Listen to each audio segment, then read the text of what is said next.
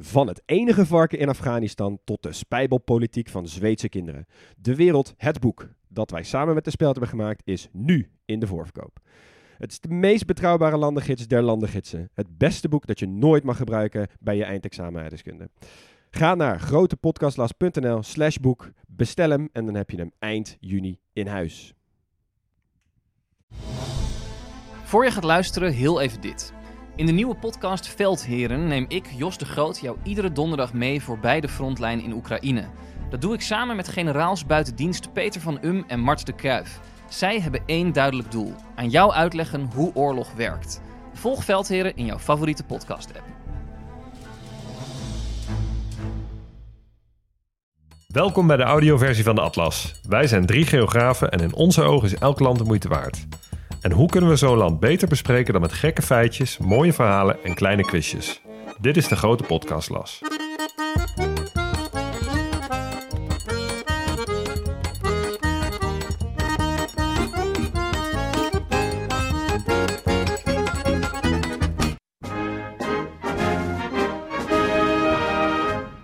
Hoeveel landen ken je die in het Nederlands een zelfstandig naamwoord zijn? Kust met Ivoor. Ivoorkust. Omen est nomen. Feit is dat de naam misschien wel toe is aan een update. Ivoor is uit de gratie en Ivoorkust heeft een hele andere core business gevonden waarmee ze de wereld verblijden. Ivoorkust telt weer mee. De stabiliteit is terug van weg geweest. Het land swingt weer. En wie swingen er meer dan de voetballers van Les Elephants, hun nationale team gehuld in oranje? En dat is vanavond belangrijk. Maar hoor je dat nou goed? Voetbal als aanleiding voor een aflevering van de grote podcastlas? Jawel, Ivoorkust heeft het wereldtoneel betreden. En reken dan maar dat wij het over alles behalve voetbal gaan hebben. En een beetje over voetbal. Toch wel. Tuurlijk. Tuurlijk. Lekker. Zijn jullie fervent Afrika Cup kijkers? Zeer. Zeer. Ja. Ja, ik ben niet per se een fervent kijker, maar een paar jaar geleden zat ik in Afrika tijdens de Afrika Cup. Nou, dat geeft wel extra schwung aan het hele geheel hoor. Dat, is Ja, echt, dat maakt ik. het nog wel leuker. Ik kijk het minder dan ik zou willen. Maar Ivoorkust is wel een land eh, wat daar altijd wel hoge ogen gooit. Ja, en nu Misschien helemaal. wel. Want eh, het is natuurlijk een goede reden om dit te bespreken. Want de Afrika Cup is nu bezig. En Ja. die voorkust is het gastland. Ja, Dus dan moet je ook met recht het land bespreken. Eh, we zijn een beetje laat, want het is al twee weken bezig. Maar beter laat dan nooit. En de kwartfinales, eh halve finales, dat zijn meestal de, de, de tijden dat mensen echt gaan horen van de Afrika Cup. Wat ik zonde vind, want dan is het leukste al geweest. Want Vaak. je ziet heel veel landjes die je niet zo vaak ziet voetballen. Eh, en Ja. er is ook een klein beetje geografie gewoon in zo'n mooi toernooi. Ja, ja, dat is mooi. maar Ivoorkust? Ehm, Wat ons gevoel is. ja? Ja, ja Ivoorkust is toch wel eh, een van de minst anonieme landen in het rijtje met, van West-Afrikaanse landen. Het is ook lang geleden dat we er zijn geweest. We hebben Benin en Sierra Leone gehad. Dat is Ja. allebei, allebei wel een tijdje geleden. Ja, Klopt. Guinea natuurlijk ook wel. En Mali. Ja, ja, Maar oké. toch, ja, precies. ja. Ja. maar anders Het is toch een land waar je al wel een beetje een beeld van hebt. Je weet het dat. Abidjan een grote stad is en dat eh Yamoussoukro de hoofdstad is, maar wat kleiner en zo. Dus, dus je hebt al een beetje basiskennis. Ja, maar het is ook niet een land waar heel veel mensen op vakantie gaan of zo. Dus het is wel een... een Nee. wat- ja, het had bekender moeten zijn als je kijkt naar het aantal inwoners bijvoorbeeld. Het is gewoon best En wel de veel. grote, ja. Ja, Ja. En eh, ja, een eh, oranje broeder hè? zeker. Daar ga jij ons straks waarschijnlijk alles over vertellen in je sporthoofdstukje, Ja. of niet, Max? Heel Even- veel. Alle drie niet geweest, hè? Nee, Nee. sowieso echt eh, heel Die ver van waar ik ben West-Afrika is voor ons alle drie, denk ik, best wel een blinde vlek. Ja, dat is echt tijd dat we die kant op gaan. Zeker. Eigenlijk. Ja.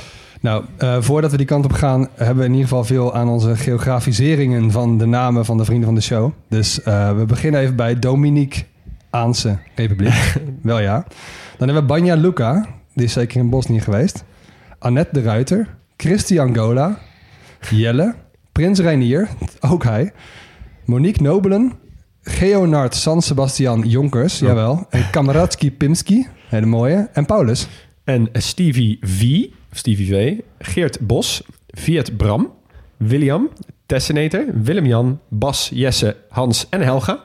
En IJzo Terveer, Saint-Martin Ottens, eh Diederik, Irene, Saskia Iman eilanden. ja, ja. Dat is een goeie. Nobels, Mirte, Neervan en Marseille Lins Sa. Kijk, wordt steeds moeilijker ook. Ja, inderdaad. Steeds hè? tricky. ja, thanks allemaal. Dankzij jullie kunnen we deze podcast blijven maken. Echt Exact. heerlijk. Best wel een legertje trouwens, vrienden van de show inmiddels al, hè? Ja, het gaat richting hard, de man. 700, joh. Zo. Dan En de namen worden wilder. kan je en, gewoon een goed eh, feest mee geven, hoor. Ja, Ja, dat hebben we best wel vaak gezegd. Misschien moeten we dat ooit wel een keer gaan doen. Ja, Ja. dat moeten we echt gaan doen. Misschien als we op de helft van de landen zijn. Misschien. Dan gaan we naar West-Afrika, want daar ligt die voorkust. En als je vanuit noorden heel West-Afrika gaat ronden, dan is dit het eerste land dat alleen maar een zuidkust heeft. Dus dan ben je echt definitief de hoek om. Ehm, ze grenzen dus ook aan de golf van Guinea, dus een deel van de Atlantische Oceaan. En aan Liberia, Guinea, Mali, Burkina Faso en Ghana. Daar grenzen ze allemaal aan. En Ivoorkust is een van de rechthoekigste landen ter wereld. We hebben natuurlijk bij Sierra Leone gezien dat het het rondste land ter wereld was. Uh, Ivoorkust staat zevende als het gaat om rechthoekigste land. En dat is wel mooi, want dit is ongeveer hetzelfde lijstje als rondste land. Ja. Want landen hebben zulke wilde vormen over het algemeen. En misschien een leuk quizje om te doen. Hebben jullie enig idee, de landen die we al gehad hebben met een aflevering, die boven ze staan? In vierkant? Ja, rechthoekig. Ja, rechthoekig. Ehm, in, in allebei dus eigenlijk. Lesotho misschien? Jazeker, ja, ik weet dat Egypte op één staat, maar die hebben we nog niet gehad. klopt. Cairo dan. Het is wel mooi dat je dat gewoon uit je hoofd weet. hè? Sri Lanka is best wel rond. Nee. Nee. nee, die is heel druppelvormig. Nee, je hebt nog eh, Jemen, is heel rechthoekig. Oh ja, tuurlijk. En Vaticaanstad. Beetje logisch Oh, natuurlijk. ja. Maar ik heb dan ook meteen nog eentje voor je. Ja. Ehm, hoeveelste rondste land ter wereld is Ivoorkust? ja, dat zou ook best goed zijn dan. Is ook zeven. Ja, ook, Oh nee. Ja, Ja, Hier, zie je zijn die lijstjes de die zijn... rondste die- en rechthoekigste onafhankelijke Ja. land van de wereld. ja, Nou. bizar. Dat Ja, is heerlijk. toch eh, een mooi wapenfeit van Ja. ze. Ze zijn 7,5 keer Nederland. Net zo groot als Noorwegen. Dat is dan wel weer een heel lang land. Als je op Noorwegen soort van oppropt. Ja, als je die oprolt als een, eh, als een soort slak. Eh, er zijn bijna 30 miljoen Ivorianen, dus best wel veel ook. Eh, en een klein deel daarvan woont in de hoofdstad Yamoussoukro, in het midden van het land. En het leidt ook een beetje de aandacht af van de veel grotere stad en oude hoofdstad aan de kust, Abidjan. Daar wonen echt miljoenen mensen. En verder als je kijkt van waar wonen nou precies de mensen. Het is een, een vrij vlak land, dus iedereen kan op zich overal wel wonen. Maar je, zel- je ziet hier ook wel de regel dat hoe dichter bij de kust je komt, hoe dichter bevolkt het is. Zie je in eigenlijk al die landen. De valuta is de CFA-frank, hebben we ook vaker gezien. Ja. Religie is wel weer een mooie en ook hier geldt, een beetje hetzelfde als bij die andere landen in de buurt. Hoe meer naar de kust, hoe christelijker. En hoe verder naar het noorden, hoe islamitischer. Die groepen die zijn alle, allebei even groot ongeveer. Eh, dus je zit hier net op de grens van landen waar je net zoveel moslims als christenen hebt. Ja, dat heeft een hele mooie geschiedenis eh, haakje, dus daar kan ik straks terugkomen. Zin in. Goed dat jullie dat bespreken. De taal is officieel Frans, maar er worden bijna 80 talen gesproken. En Dioula daarvan is de grootste. Eh, de achternamen, ik had hele hoge verwachtingen bij de achternamen. Maar ja, dat krijg je als voetballiefhebber. En ja, Kone is dus ook de meest voorkomende. En daarna viel het een beetje tegen, of tenminste, ja, ik viel me een beetje tegen van mezelf. Geen Touré? Eh, Kouassi, Kofi, Quadio, Kwame, Yao. En toen kreeg ik pas Koulibaly.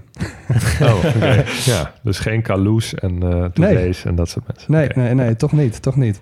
En de vlag, ja, jongens. Drie verticale banen, oranje, wit, groen. Eh. De invloed van de Franse vlag is natuurlijk heel zichtbaar. En ze hebben ook nog wel een appeltje te schillen met Ierland. Ja, precies.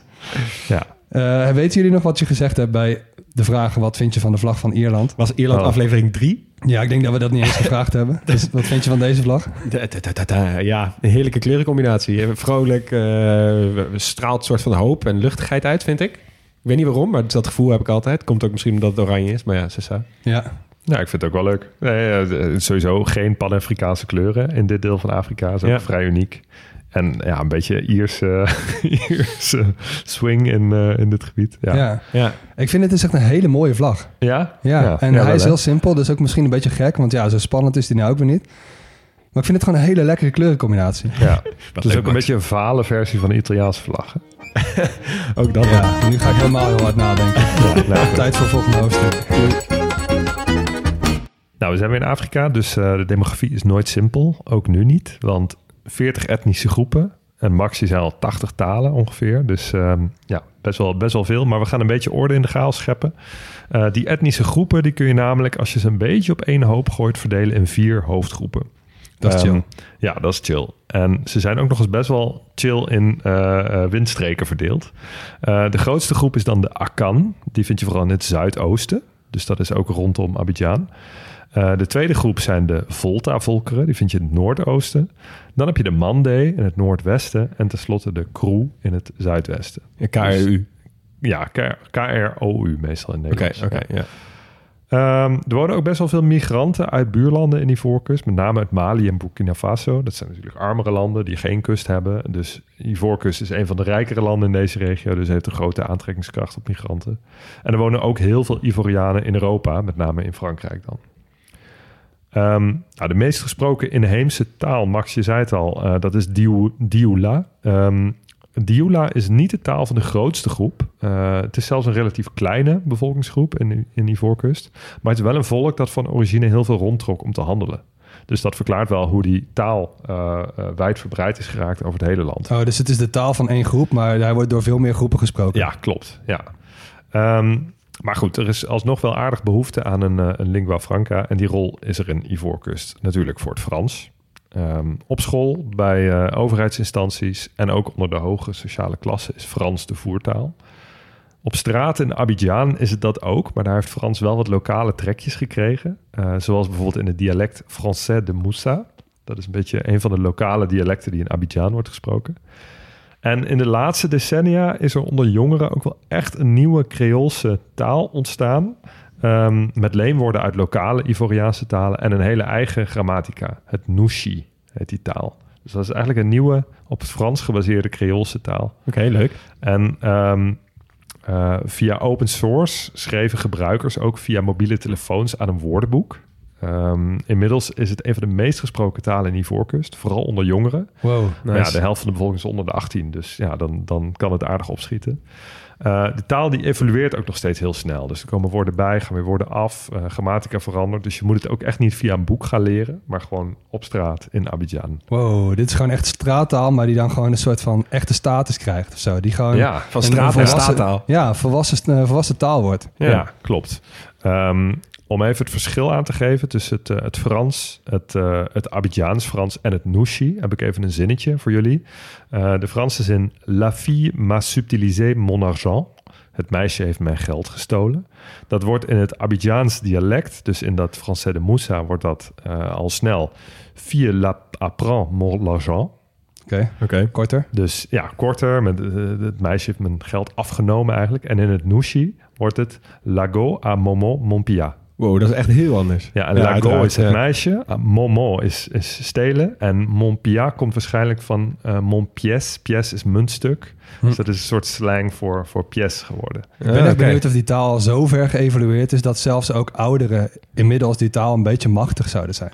Ja, het is dus ontstaan in de jaren zeventig. Dus de mensen die, die toen jong waren en nu nog leven in Abidjan... die zullen het, uh, zullen het nog wel spreken, ja. ja. Cool. ja. Maar ja, ik ben benieuwd of dit ooit een officiële status krijgt. Maar het is dus nog zo in de ontwikkeling... dat het nog lastig is om te formaliseren. Ja. Um, nou, dan even naar geloof. Um, Max, je zei al, hoe noordelijker, hoe uh, islamitischer, hoe zuidelijker, hoe christelijker. Um, in het zuiden willen ze ook, uh, ook behoorlijk uh, hard laten weten dat ze christen zijn. Uh, dat blijkt bijvoorbeeld uit de bouw van de basiliek Notre-Dame de la Paix. Ik vroeg me af in welk hoofdstukje dit zou komen. Jullie hebben onderling verdeeld dat jij hem oppakt? Ja, ik heb hier met Max wel even contact over gehad. Want dit had inderdaad ook bij kunst en bij toerisme en overal gekund. En zei, jij, mag, jij mag die kerk wel hebben. Ja. ja. even, als je denkt, waar heb je het over? Dit is echt een enorme kerk. in de hoofdstad Yamoussoukro. Uh, de bouw kostte 300 miljoen dollar, verdubbelde de staatsschuld van het land. En het land landde echt in een diepe recessie door de bouw. Maar dan heb je ook wel wat. Uh, het is gebaseerd op de Sint-Pieter in Vaticaanstad, dus heb je een beetje een beeld. Alleen dan nog veel groter. Uh, sterker nog, het is de grootste kerk ter wereld. Ja, Heerlijk. zo. 195 meter lang, 150 meter breed en 158 meter hoog. Met ruimte voor 18.000 bezoekers. Wow. En zitten die er ook over het algemeen? Ja, dat weet ik eigenlijk niet. Nee, volgens, volgens mij want, zit wel zo'n kerk, want Yamoussoukro is niet echt de allerwildste stad ter wereld. Nee, zeker niet. Nee, ik weet het niet. Maar het is wel de hoogste koepelkerk ter wereld, want het is dus een koepel. Uh, hij is hoger dan de Dom van Keulen, maar dan dus met een koepel en niet met een toren. Hoeveel mensen zei je dat erin kon in totaal? 18.000. 18.000. Ik, ik, heb even de lijst van Nederlandse gemeenten voor mijn neus. Ja. Dat is ongeveer de hele gemeente Gennep of de hele gemeente Staphorst. Ja. Dus de hele gemeente Staphorst past in de grootste kerk van de wereld. Ik denk dat ze in, in Staphorst ook wel een kerk hebben waar bijna 18.000 mensen in passen. ja, Staphorst is er gewoon wat dat betreft. Maar Barneveld uh, zijn ook van die enorm grote kerken. Maar voordat maar, dit de grootste werd, was de Sint-Pieter de grootste, toch? Ehm, de grootste koepelkerk. Ja. ja, dat denk ik wel. Dus die moeten ook hebben zitten denken van... oh jongens, niet... Nee, kom aan. Maar dit is echt een goed feitje hoor. Voor, ook voor in de kroeg en ook bij een pubquiz. Waar staat, je, waar staat de grootste kerk ter wereld? Mensen raden Brazilië misschien. Nou, Rome, Ja. Vaticaanstad. Ik weet zeker dat je niet bij Jan Soek Ja. kwijtkomt. Nee, het is zelfs zo'n goed kroegfeitje... dat je het niet kunt gebruiken als quizvraag. Nee, precies. Ja, inderdaad. Want je kunt het niet echt weten. Nee. Nee. Nou goed, ehm, hoe dat zover is gekomen, eh, ga ik jullie even mee naartoe nemen. Eh, de geschiedenis. En eigenlijk een beetje hetzelfde als wat Hugo net ook zei. Eh, helemaal in West-Afrika, als je bij landen komt waar dus niet die Bantu-migraties zijn geweest. En je dus echt hele oude koninkrijken hebt geweest, maar ook nog invloed hebt van die islamitische eh, handelaren vanuit het noorden. Is het al snel een, wordt het al snel een beetje Heilige Roomse Rijk-achtige proporties van verschillende rijken. Weet je wel? Oké, leg even uit. Nou, eh, je hebt daar gewoon veel verschillende historische stammen, groepen, koninkrijken, whatever. Die hebben, sommige hebben heel lang bestaan, sommige hebben maar een aantal jaar bestaan. Dus dan moet je in je geschiedenishoofdstuk altijd een beetje gaan oordelen. Welke vind ik belangrijk genoeg om wel te me- vermelden, zeg maar. Sommige hebben, weet ik veel, 200, 300 jaar bestaan. Maar die hebben zo'n geen stempel achtergelaten. Of achter, hoe zeg je dat? Een, eh, zo geen Stempel eh, gedrukt. stempel gedrukt op de daadwerkelijke eh, staat van het land. Dat je ze niet per se hoeft te noemen. Ja. Dus ik heb, wat, ik er echt hier best wel in verdiept. Ehm, en sowieso in eh, echt pre-koloniale, ver-pre-koloniale geschiedenis van Afrika is heel weinig bewaard gebleven. Eh, ook dus in Ivoorkust. Van de oorspronkelijke bewoners weten we eigenlijk niet zoveel. Eh, de eerste geschreven teksten zijn, net als wel vaker ook hier, van Noord-Afrikaanse moslims. Die vaak met karavaanhandel, met zout en slaven en goud en zo en andere shit de Sahara doortrokken. Ehm, nou, zoals het in Mali hebben gehad, wat, was dat echt een groot rijk toen in de 15e, 16e eeuw. Dat stortte op een gegeven moment in elkaar. En toen zijn dus heel veel van die mensen uit Mali zijn naar het zuiden gevlucht. Die hebben daar de oorspronkelijke mensen ja, of verjaagd of vermoord of ze zijn geassimileerd. Dus dat is dus nu een beetje het volk waar we het zo over hebben. Ehm, dan ga ik even met jullie meelopen naar vier koninkrijken, of in ieder geval vier rijken, eh, moet ik zeggen, eh, die in de geschiedenis hebben bestaan, die nu nog steeds invloed hebben gehad op het ding. Hè? Bear with me Mhm. here. Dus eh, ten eerste, je hebt het Kongrijk, K-O-N-G, Kongrijk. Dat was ongeveer vanaf 1710. Lag helemaal in het noordoosten van de Ivoorkust. Ehm, eh, dus richting waar nu Burkina Faso ligt. Ja, waar de vol, Volta-volkeren leven. De Volta-volken, maar dus ook de Djula. Die zitten daar dus ook. Ja. Dus dat is dat, dat rondreizende, Ja. eh, vooral islamitische volk, zeg maar. Ja. En die hebben daar ook, eh, die zitten daar van oudsher, hebben zij daar al heel lang eh, een- de touwtje in handen gehad. Eh was een heel belangrijk handelscentrum. eh, dus ook in die rol van die Trans-Sahara-expressen en zo. Dus die, die hielden dat daar. En het was ook nog eens een centrum van de islamitische geleerdheid in de regio. Dus noorden, islam. Yes? Ja. Dan het koninkrijk Giaman. Vanaf de 17e eeuw, dus iets eerder. Gelegen in het centraal-oostelijke deel van het huidige Ivoorkust. Dus op de grens met Ghana.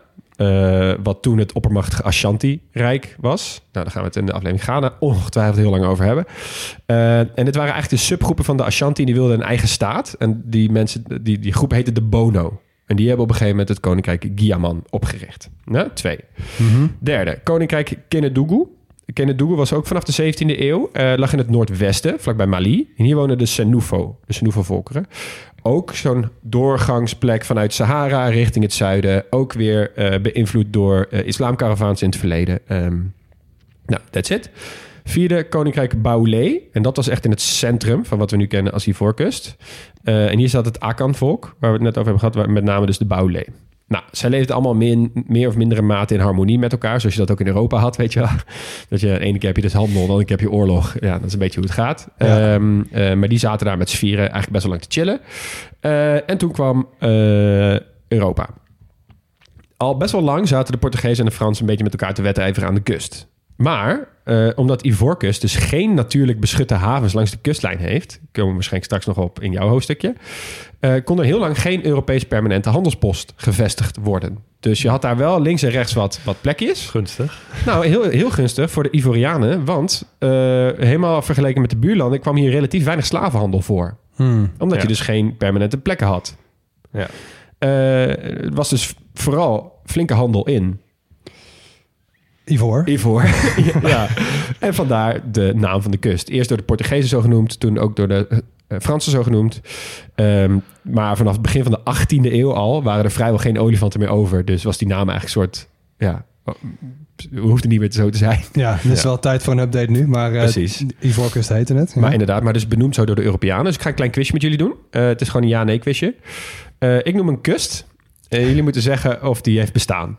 Oh, En ja. dan, zo, als die wel heeft bestaan, bonuspunten voor waar die nu ligt, ja? Ja, is goed. Oké, nou, eh begin dus met Ivoorkust. Is dus logisch, want het heet nog Ivoorkust. Dan Goudkust. Ja, Ghana? Ja, is goed. Ja, Ghana en een stukje Benin. Oh Eh, Peperkust. Ja, heeft ook bestaan, maar ik weet even niet waar. Dat was Liberia. Liberia is goed. Ja. Koffiekust. Geloof ik niet Nee. in. Nee, nee. Slavenkust. Jazeker. Ja. Dat was eh, Togo, Benin en eh, Nigeria en zo, toch? Die ja, regio. Ghana, Togo, Benin en Nigeria. Ja, nou, lekker boys. Ja, quizje zeer voldoende afgerond. Met je koffiekust. Dank je. Ja. Leuk verzonnen. Zoutkust had ook nog gekund. Ehm, Goudkust. Goudkust, nou die is er ja. dus. Ehm, maar goed, ehm, terug naar de Fransen. Want in 1842, toen verklaarden de Fransen het gebied tot hun protectoraat. As you do in die tijd. Eh, en een paar jaar later gingen ze ook over tot grootschalige overname van de binnenlanden. Dus toen gingen ze ook, trokken ze de landen in om te kijken... oké, hoe kunnen we hier die shit overnemen? Mhm. Eh, dat ging allemaal niet helemaal crescendo voor die Fransen. Want die rijken stonden er gewoon al tientallen, de, honderden jaren. En die zaten best wel goed daar eigenlijk. Ehm, dus dat, was, dat kabbelde een beetje aan tot de conferentie van Berlijn. De wedloop om Afrika, zeg maar. Die was toen een piek. Dus eind 19e eeuw eh, ging het hard met de bestaande koninkrijken in Ivoorkust. Ja. Ehm, Wat me opvalt trouwens, is dat ze in Ivoorkust, maar ook in andere landen, kustlanden in West-Afrika, dat ze, eh, als je naar de kaart kijkt, bij het verdelen van, de, van het land nog wel aardig rekening lijken te hebben gehouden met eh, de geografie, met, de, lig- met de, de leefgebieden van die volkeren. Want die kaarsrechte lijnen, die vind je echt pas vanaf Mali en, en Ja. Niger en zo in het noorden. Ja. Maar toch, als je die hele grote bevolkingsgroepen ziet van West-Afrika... die leven ook wel echt in acht landen tegelijk of Ja, zo. precies. Dus het is ook weer niet helemaal nee, want die Ashanti maar- bijvoorbeeld in Ghana... daar loopt ook een hele groep over van in eh Ivoorkust. Ja. Ja. Maar Want ze hebben hier dus wel... Nou, ja, het is beter- meer gedaan dan ja. alleen een lineaal getrokken. Ja, Ja, maar wat ik altijd wel interessant vind... is dat je als je kijkt naar die geloofskaart van West-Afrika... dat je echt ziet waar de Europese missionarissen nog zijn gekomen. ja. Die hebben de kust redelijk goed uitgespeeld. En daarom zijn er ook al de zuidkusten van al die landen... Ghana, Nigeria en zo, die zijn allemaal christelijk. En hoe verder je naar het noorden gaat... daar wonen nog steeds de moslims. Ja, maar dat heeft dus ook te maken met de geschiedenis. Omdat in het noorden zaten dus die moslims die vanuit de Sahara overkwamen. Juist. Met hun karavaans. En die hebben vanaf daar handelsposten opgezet. En andere lui die in het zuiden zaten, die hadden veel... Die hadden totaal andere geloven, animalistisch. Nou, al best wel snel christelijk inderdaad. Ehm, ehm, maar dat heeft er wel toe geleid, dankjewel voor het bruggetje... dat er in die tijd dat de Fransen dus het hele land overnamen... dat er een man was, namelijk Samori Touré... eh, islamitisch leider. Hij wilde een groot islamitisch rijk stichten in de regio... om tegen die Fransen eh, in verzet te komen. Ja, En dat lukte hem eigenlijk best wel goed. Sterker nog, hij kwam echt nog best wel ver. Hij heeft het Kongrijk ook nog overgenomen... en was flink bezig om dat Kenedougou over te nemen. Eh, maar toen werd hij gestopt door de Fransen gevangen genomen in 1898. Dus eigenlijk start 20e eeuw. Ehm, toen was het eigenlijk afgelopen met hem. En dat wordt ook wel gezien als het omslagpunt in, eh, in de rol van Frankrijk in die regio. toen hebben ze definitief gewonnen. Ja, nou ja, er werd, er werd nog wel echt gewoon behoorlijk fel gevochten door de lui die er toen nog zaten. Nou, die Ashanti, nogmaals, zullen we het in Ghana over hebben, maar die waren vooral ook echt heel fel. Eh, en eh, volgens de Fransen werd het officieel de kolonie pas in 1918 als onder controle beschouwd. Hmm. Ja, dus 1918 hebben we het dan over. Hè? Dat is na de Eerste Wereldoorlog. Ik vind het toch wel mooi altijd hoe, dan, hoe het serieus het verzet is geweest tegen die Fransen. Ja, Touré bijvoorbeeld, die hebben we ook besproken in Guinea. ja, Met dat Wassulu-rijk van hem. En hij slaagt Precies. daar, daar dus best wel goed in. ja. Dus dat vind ik altijd wel even een goede voetnoot inderdaad in de geschiedenis. Want het is echt niet zo gegaan dat zij dachten van... oké, deze landen zijn van ons. Eh, heeft ze nul strijd gekost? Want het heeft ze echt wel veel strijd gekost. Nou, sterker nog, eh, het is uiteindelijk door de superieure wapens van Frankrijk dat ze die strijd hebben gewonnen. Op geen enkele andere wijze hadden ze die strijd ooit kunnen winnen. Want Ja. die lui daar kenden de omgeving veel beter, waren veel beter ook geroet natuurlijk in de omgeving. Eh, dus inderdaad, wat je zegt, heel terecht, Max, vind ik ook. Heel vaak dan lees je soorten geschiedenisboeken en is het van, oh ja, toen nam Frankrijk dit land over, punt. Ja. Terwijl dit heeft gewoon bijna 100 jaar geduurd voordat zij die hele regio daar tussen aanhalingstekens onder controle kregen, zeg maar. ja, ze hadden nog net geen drones en tank- tanks en zo. Nee, maar ja. nee, want wat was dat onder controle dan precies? Nou, ehm, eh, dat was in Ivoorkust net iets anders dan in de buurlanden. Want eh, in de buurlanden werden vooral de Franse bureaucraten op leidinggevende posities gezet. En die moesten daar dan maar gewoon eventjes eh, hè, de lakens uitdelen over hoe ze het land gingen doen. In Ivoorkust zaten ook best wel veel Franse kolonisten. Dus echt mensen die gingen boeren. Dus Gewoon lui die, ja, dus echt eh, lui die daar gingen zitten om vervolgens land te... eh, hè, waar cacao en eh, Ja. koffie en palmolie en zo. Dat dat hadden is ze... helemaal niet. Een beetje zoals in Zuidelijk Afrika ook wel eens gebeurd. Ja, een beetje zoals dat. Het was natuurlijk wel heel veel gedwongen arbeid. Eh, uiteraard. Gewoon een soort ja, eh, geïnstitutioneerd eh, slavensysteem, bij wijze van spreken. Van- Dus van als de transatlantische slavenhandel ophoudt, dan starten we hier wel plantages. Ja, basically dat. Alleen dan zeg maar zonder dan de slavernij. Want eh ik wist je, wanneer werd de slavernij afgeschaft in de Franse koloniën? Ja. 18, eh poeh, wat is het, 60 of zo? Eh, ik denk misschien wel in de tijd van Napoleon. 1905. Echt? Nee joh, je oh, dat is nagaan, veel hè? later dan de Britten. Dat is gewoon 120 Ja, jaar geleden. hè? later, 120 ja. jaar geleden had je gewoon nog s- Franse slaven in, in Afrika. Zo, way to go eh, Frankrijk. Ja, Ja. bizar. Eh, maar goed, in 1904 werd Ivoorkust onderdeel van het Frans West-Afrika. Eh, er zitten acht landen in. Kunnen jullie ze alle acht benoemen of zou ik ze gewoon al- alle acht oplepelen? Nou, lepel ze maar op. Ik, dat komt Oké, wel uit. Maar het Frans duurt wel lang. Mauritanië, Senegal, Frans Sudaan, dat is nu Mali, Guinea, Ivoorkust, Niger, Opper Volta, dat is nu Burkina Faso, en Dahomey, dat is nu Benin. Ja. Dat zijn ze alle acht. Dat was dus Frans West-Afrika. Ehm, maar goed, dus dat was toen. Eh, en ja, dat is een beetje eh, gek rijk, maar daar moeten we op een andere plek maar even over hebben. Want ehm, na de Eerste Wereldoorlog werden de Ivorianen zelf ook aangemoedigd om te gaan boeren. Om te gaan zeggen, hé hey jongens, misschien moeten jullie zelf maar even onafhankelijk worden hierin. Eh, ze kregen bijvoorbeeld meer spoorlijnen, meer scholen, eh, meer gezondheidszorg op een westelijke stijl. Dat heeft ervoor gezorgd dat in 1939 de Afrikanen 90% van de cacao eh, verbouwden en 80% van de koffie. Dus de Afrikanen zelf al. Dus die Fransen waren er helemaal Ja. uitgefaseerd. Ehm, tussen 1940 en 42 koos de kolonie er trouwens voor om samen met de rest van Frans West-Afrika om even onder het Vichy-regime te blijven. Ze zijn ook fout geweest in de oorlog. Twee jaartjes. Ja. Ehm, en dat heeft ook wel echt weer gezorgd voor racistische wetgeving, economische discriminatie van de Afrikaanse eh, eh, planters, zeg maar. Eh, en dat samen met een Britse zeeblokkade, want Vichy, zorgde voor extreme onvrede. Eh, en daar kwamen twee Afrikaans opgeleide mannen op, namelijk Felix Houphouët-Boigny en Auguste Denise. Eh, en die stichten in 1944 eh, de African Farmers Union. Ehm, eh, en die hebben zich eigenlijk vrijwel vanaf het begin af aan ingezet voor gelijke behandeling van Afrikaanse boeren. Ja. Nou, daar gaat Max het denk ik straks nog even kort over hebben, over deze man. Klein beetje. En mijn, mijn, eh, mijn hoofdstukje sluit bij het feit dat de huidige grenzen werden vastgesteld in 1947. Want toen ging het noorden van het land terug naar het land Opper-Volta. En in 1960 werd Ivoorkust onafhankelijk van Frankrijk. Net als ongeveer heel Frans-Afrika. Dus dat, ja, dat 1960, jongen, dat is wel echt een jaar geweest, man. Toen, Zo. toen werden ze echt ongeveer allemaal eh, werden ze onafhankelijk. Ja, Als wij toen deze podcast hadden gehad. van 1958 dat je in 1960... Oh shit, ik dacht dat we een, een paar maanden klaar zouden zijn. Zo, dan zit je nog een jaar. Ja. Ja, nou die Félix Houphouët-Boigny, hij werd dus president. Wel mooi, hij is zelfs ook minister geweest in Frankrijk. Dus hij had hele goede banden met Frankrijk. En is daar dus ook voor beloond met een ministerspost in Parijs. En eh, hij werd dus de eerste president. En dit is voor de verandering eens een keer niet zo'n president die zei van... jongens, eh, zak er maar allemaal in, stelletje kolonialen. Wij worden lekker communistisch. Zoals bijvoorbeeld ook zo'n Ahmed Sékou Touré van Guinea hebben we gezien. Hè, van eh, later, wij, gaan, eh, eh, wij, voegen ons bij China bijvoorbeeld. Hij deed heel anders. Dat Ivoorkust van, van hem dus, hè, van die Houphouët-Boigny... was de trouwste bondgenoot van Frankrijk. In de Koude Oorlog in Afrika. Ja. Hij munt ook de term France-Afrique. En dat is later dus verbasterd tot France-Afrique. Dus iets korter geworden. En dat valt eigenlijk in één woord een nauwe samenwerking samen ehm, tussen Frankrijk en die oude koloniën. En zij gingen daarin dus voorop. Ehm, was dus ook een bondgenoot van het Westen in de Koude Oorlog. En dat is ook wel mooi. We hebben heel veel landen gehad die dat niet waren. en we ja. hebben ook best wel wat landen gehad waar je dan zo'n Mobutu of zo had. Weet je wel, echt zo'n zo'n favoriete dictator van het Westen. Hij was toch net iets anders. Maar dat betekent dus dat dit een eerste wereldland was.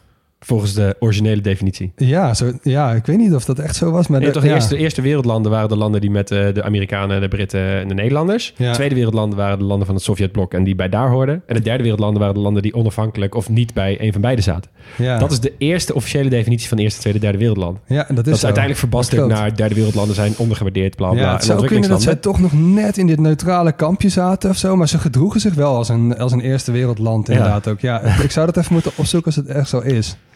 Maar goed, anyways, ehm, hij was ook betrokken bij de oprichting van een actiegroep in buurland Guinea. Dit zegt dus een man die eh, zich niet alleen maar met zijn eigen land bemoeide. Hè? Ja. Die Sekou Touré, die wilde hij eruit laten wippen, dus daar heeft hij echt al een, een hand in gehad. Hij zat ook in het groepje dat een coup pleegde tegen Mathieu Kérékou, Ja. leider van Benin. En die dus ook een beetje naar die socialistische kant zat. Ja. Hij steunde ook kapitalistische rebellen in Angola. Dus dit was een man die was druk. En wat hij ook deed, eh, in buurland Ghana zat Kwame Nkrumah. En dat is echt een van de grootste pan, eh, ras Pan-Afrikanisten, eh, leunend richting socialisme. En eh, de milities die een coup tegen hem pleegden, mochten zich dus ook voorbereiden in die voorkust. Dus die twee, met die Nkrumah, dat is echt super interessant. Want dat was Ah, echt een rivaliteit die, Ja. die steeds meer groeide. Ja. Die Fou- Fouet zei dus ook, heeft zelf gezegd, komt ie, Kwame en ik, dus Kwame en Nkrumah, zijn de enige staatshoofden die in een Afrikaans dialect met elkaar kunnen praten. Want zij kwamen allebei uit twee verwante bevolkingsgroepen, maar wel dus hele andere denkbeelden. Oh joh, oké. En die Nkrumah, die, die, die was veel meer van, die, die zei ook van eh, onafhankelijkheid is zinloos tenzij het gepaard gaat met totale bevrijding van Afrika. Dus je hoort hierin ook echt die revolutie, weet je wel. En die Houphouët Boigny, die zei eh, onafhankelijkheid moet juist geleidelijk gaan, omdat het anders zinloos is als je niet eerst economisch onafhankelijk bent. Ja, ja, dus ja. op eigen benen Ja, kunt staan. Ja. Ja. Anders val je van de ene revolutie in de andere, zeg maar. Bijvoorbeeld, die zag van, nou, dat, dat, gaat, dat gaat niet goed als je in één keer te snel doet. Ja. En het mooie is ook wel, dit waren dus grofweg de twee kampen die in de Organization of African Unity, dus de organisatie van Afrikaanse eenheid, voorloper van wat we nu kennen als de Afrikaanse Unie, zaten dus twee kampen. Ja. De kampen van Nkrumah en van uh, Houphouët Boigny. Ja. Die zetten dus tegen elkaar. En zij waren dus ook de leiders van die fracties. Nogmaals, mooie rivaliteit. Die Houphouët um, Boigny die hield zelf ook wel van een uitdaging op zijn tijd. En hij heeft dus ook Nkrumah uitgenodigd voor een borrel over tien jaar... om te kijken wie het het beste was vergaan. Nice. dus ja, maar ze hebben geen oorlog gevoerd of zo, weet je. Dus het is geen, uh, geen, Ja, is een oorlog. Nee, het is gewoon een gezonde rivaliteit. Een beetje zeg maar de, het Frank, Frans-Duitsland... Frankrijk-Duitsland van West-Afrika. ja, Gewoon Frankrijk, wel Engeland. weten, Ja, ja, wel weten dat je tegenover elkaar staat, dat je een andere taal spreekt en eh, dat je zeg maar gewoon wel echt een, een grootmacht kan zijn in de regio, maar dat zonder geweergekletter en, eh, en agressiviteit. Ja, Ja. Je bedoelt dan eh, de situatie tweede helft 20e eeuw dan. eh. Ik bedoel alles na de Tweede Wereldoorlog. ja, ja, ja, ja, ik snap je. Ja, ja, ja, zo, ja, zou, zou je misschien wel kunnen zeggen. Als in, het is geen militair conflict geweest, weet je wel. Ze hadden een rivaliteit en ze waardeerden elkaar op de een of andere manier wel. Maar uh, Ja. die rivaliteit werd wel steeds sterker, dat Ja. zeker. Ja. Nou, qua uithoudingsvermogen heeft hij Hoeven in ieder geval wel gewonnen. Want Kruma, uh, die is overleden vla, uh, vlak na de coup die op hem gepleegd was. Dus dat is een beetje jaren 60. En Hoeven, die heeft echt wel tot 1993 gezeten. En toen was hij ook de langst zittende Afrikaanse leider van het moment. Ja. ja, en je ging er net eventjes kort overheen, maar hij is dus ook gewoon minister geweest in Frankrijk. Ja, dus, ja. dus nogmaals bizar goede banden is. met Frankrijk. Ja. Ja. Ja, en het moet gezegd, hij maakte dus ook wel echt stappen met het land. Want binnen een paar jaar werd hij voorkeurs de derde koffieproducent ter wereld. Achter Brazilië en Colombia. En in 1979, 19 jaar na de onafhankelijkheid, werden ze ook wereldleider marktleider in cacao.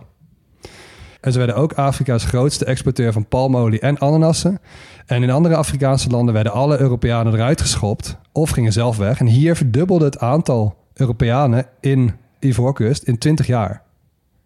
Oké. Na de onafhankelijkheid Ja. kwamen er dus zelfs ook nog Ja. Europeanen. Ja, misschien ook wel eh eruit Terug. geschopte Europeanen vanuit bijvoorbeeld Guinea of, of Ghana. Ja, Dat zou kunnen. En misschien dat het te maken heeft met die boeren, die, daar, die kolonisten die daar eerder hebben gezeten. Dat Ja. ze dachten van oké, Ja. nou dan ga ik weer terugkomen. Ja, het zong gewoon rond. Je kon Ja. daar gewoon geld verdienen. Ja. En dit werd wereldwijd dus ook wel het Ivoriaanse wonder genoemd. Ja, oké. Maar goed. originele term. Ik ben heel benieuwd wat er was gebeurd als Ivoorkust een andere afslag had genomen. Want ze waren dus eigenlijk de luis in de Pan-Afrikaanse pels in dit deel van West-Afrika. Zeker. Guinea en Ghana, als dat naar hen had gelegen, was dat misschien een of andere West-Afrikaanse superstaat geworden. Ja, daar, daar vocht die Kruma bijvoorbeeld ook voor. Hè, dus Ja. van, we moeten dit allemaal zelf gaan doen. De Verenigde Staten van Afrika. En hij wilde dat dus absoluut niet. Ja, Maar goed, langzaamaan kwamen er wel barsjes in, die, in dat Ivoriaanse wonder. Ehm, hij noemde het ook zelf groei zonder ontwikkeling, die Houphouët. Dus dat is niet zo super. En dat is ook het nadeel langzaam van die banden met Frankrijk. Want het was nog steeds een leveringseconomie. Dus eh, best wel eenrichtingsverkeer. En hij ging zelf ook steeds meer wel echt gekke dingen doen. Werd ook steeds meer een autoritaire leider. Dus Abidjan was echt in alles de meest logische hoofdstad. Maar ja, hij was toevallig geboren in een dorpje Yamoussoukro... met een paar honderd man tijdens de onafhankelijkheid. En hij vond in 1983 dat Yamoussoukro maar eens de hoofdstad moet worden. Is Nou, dat een goed voorbeeld van macht corrumpeert en absolute macht corrumpeert absoluut? ja, dan ga je een beetje gekke dingen doen. En dit is ook wel voor liefhebbers van hele grote avenues waar dus niemand rijdt. En dus ja, een beetje zoals die hoofdstad van Myanmar en zo. Je kunt dus ook naar Yamoussoukro. En hij bouwde dus die kerk. Ook Ja, daar. ja. Ja. Het ligt wel redelijk centraal, daar moet je wel gelijk in geven. Daar heeft hij bedoel, er zijn landen in, in West-Afrika die dit, eh, die dit natuurlijk ook hebben gedaan. Ja, Abuja bijvoorbeeld in Nigeria. Ja, Ja. Maar goed, hij vond dat de wereld ook maar eens zijn best moest doen op eh, de landsnaam van die voorkust. Dus niet meer Ivory Coast, maar iedereen moest het toch maar Côte d'Ivoire gaan noemen. Ja. En dat is nog niet helemaal gelukt. Zie hier de aflevering. Ja, en ook in het Engels noemen mensen ook vaak wel eh, Ivory Coast nog steeds. Ja, Dus, maar mensen, moeten ook gewoon een, eh, mensen moeten ook gewoon rustig gaan doen. Want Nederland is ook gewoon Pibba en... eh, eh, ik ben wel even benieuwd eh, wat, wat de naam van die voorkeurs is in het Nushi. Ja, Wat die erop Zo. verzonnen dat zal ook wel gewoon vertaald zijn. ja, Ja, ga ik Ja, even ik Die- dat is sowieso Côte d'Ivoire. Ja, misschien wel. Ja. Nou, economisch gezien ging het ook niet altijd even goed sinds die tijd. Ehm, het was echt een exporteconomie, hè, dus die is heel gevoelig voor crisis. Dus geweld nam ook toe en kwamen steeds meer protesten tegen hem. Werd ook onrustig in het land en nog onrustiger. Dus onder veel druk ging hij ook steeds meer partijen en vakbonden toelaten. En net op dat moment ging hij zelf dood, in 1993. En hij kreeg zijn opvolger in eh, Henry Conan Bédier. En toen zag je wel iets wat wel vaker bij van die hele jonge landen ziet... die, die al heel lang dezelfde leider hebben gehad... dat zo'n land echt vervalt in chaos. Ja. Dus het werd echt een opeenvolging van koepogingen, van burgeroorlogen... steeds van een paar maanden en zo. En de belangrijkste persoon in die jaren was Laurent Gbagbo. Die heeft de Ivoorkust geleid van 2000 tot 2011. Nou, hij is ook gearresteerd en uitgeleverd aan het internationaal strafhof. Heeft ook echt Den Haag nog gezien. Daar is hij nog geweest. En hij zou vervolgd worden om zijn misdaden tegen de menselijkheid. Maar in 2019 is hij vrijgesproken. Oké. Sinds 2011 dus is hij ehm, geen president meer. Maar dat is nu Alassane Ouattara. Dat is een van die meest voorkomende achternamen. Die heeft zichzelf ook weer een extra termijn gegeven... die niet helemaal grondwettelijk is. Dus blijft een beetje duwen en trek allemaal. Dat is nu nog. Ja, Oké. maar wat wel interessant is, is dat dit een president is uit het noorden. Dus die dus weer, weer veel steun heeft vanuit de moslimgemeenschap die daar woont. Ja. Dus die waren nooit aan de macht in die tijd. Dus ik ben heel benieuwd hoe dat de komende tijd gaat. Ja. Maar het is wel weer wat rustiger dan... Ja. Nou ja, In de de tijd tijd, 20 tijd jaar vol dan in ieder geval. Ja, Ja, alle zeker. bronnen die ik las, los van mijn politieke kennis over het land, stond inderdaad overal van, oh, rust is weer wedergekeerd, oh, het gaat goed, stabiel, bla bla bla. Dus ja, Ja. eh, volgens mij, de, dat zijn dan vooral de Economist en zo, en dat soort bronnen, internationale Ja. van The Guardian en zo, die hadden, waren allemaal wel op zich soort van te spreken over de Hoe is- status van die voorkust. Hoe is het met het democratische gehalte dan? Blijft deze man wel een beetje op eerlijke, eerlijke wijze aan de macht? Ja, wat die Ouattara doet, weet ik eigenlijk niet zo heel goed. Ik ga niet uit van allerbeste, maar het is wel beter geweest dan hoe het daar was. Ja, beter dan burgeroorlog en zo. Die Ja. Houphouët bijvoorbeeld, dat was wel iemand die wel een alleenheerser was. Het was niet zo'n kleptocratische dicta- dictator als een Mobutu of Mugabe of zo, maar het Ja. was niet het meest vrije land. Nee, oké. Dus Ja. ze hebben nog wel wat stappen te maken. Ja, het is gewoon een beetje middenmotortje. Ja. In, de, in de wereld dan, zeg maar. Nou, dat is hier niet slecht in deze regio. nee, zeker niet. Nee. Nee. Nee,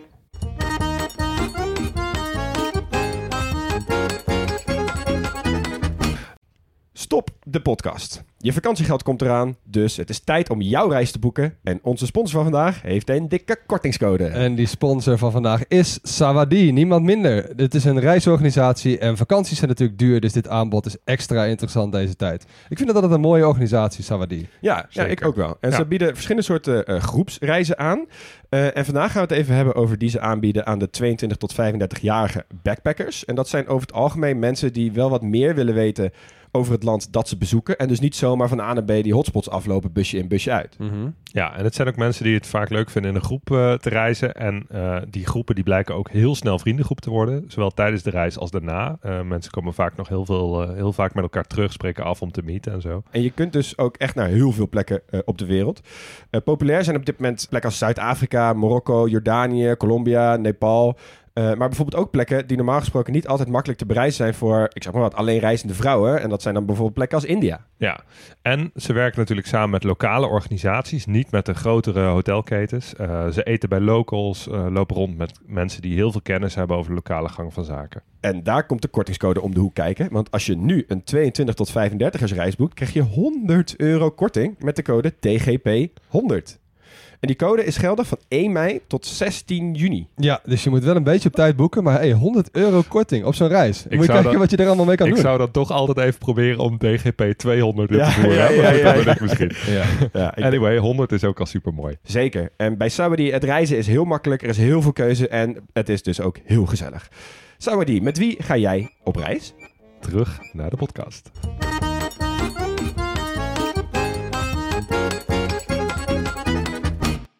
Dan de natuurlijke karakteristieken van Ivoorkust. Eh, eerst even een stukje geomorfologie. Dat is een heel duur woord voor de vorm van het aardoppervlak. Ik ga het toch een keer uitleggen, want het is gewoon een chill woord. Het is eigenlijk gewoon best een goed woord. Het vat veel woorden samen in één. Ehm, dus hoe ziet het land eruit? Eh, en wat dat betreft is Ivoorkust eigenlijk best een simpel landje. Want ehm, het is tamelijk vierkant, hebben we al gehad. In het zuiden heb je de kust. Hoe verder je land inwaarts gaat, hoe hoger het wordt.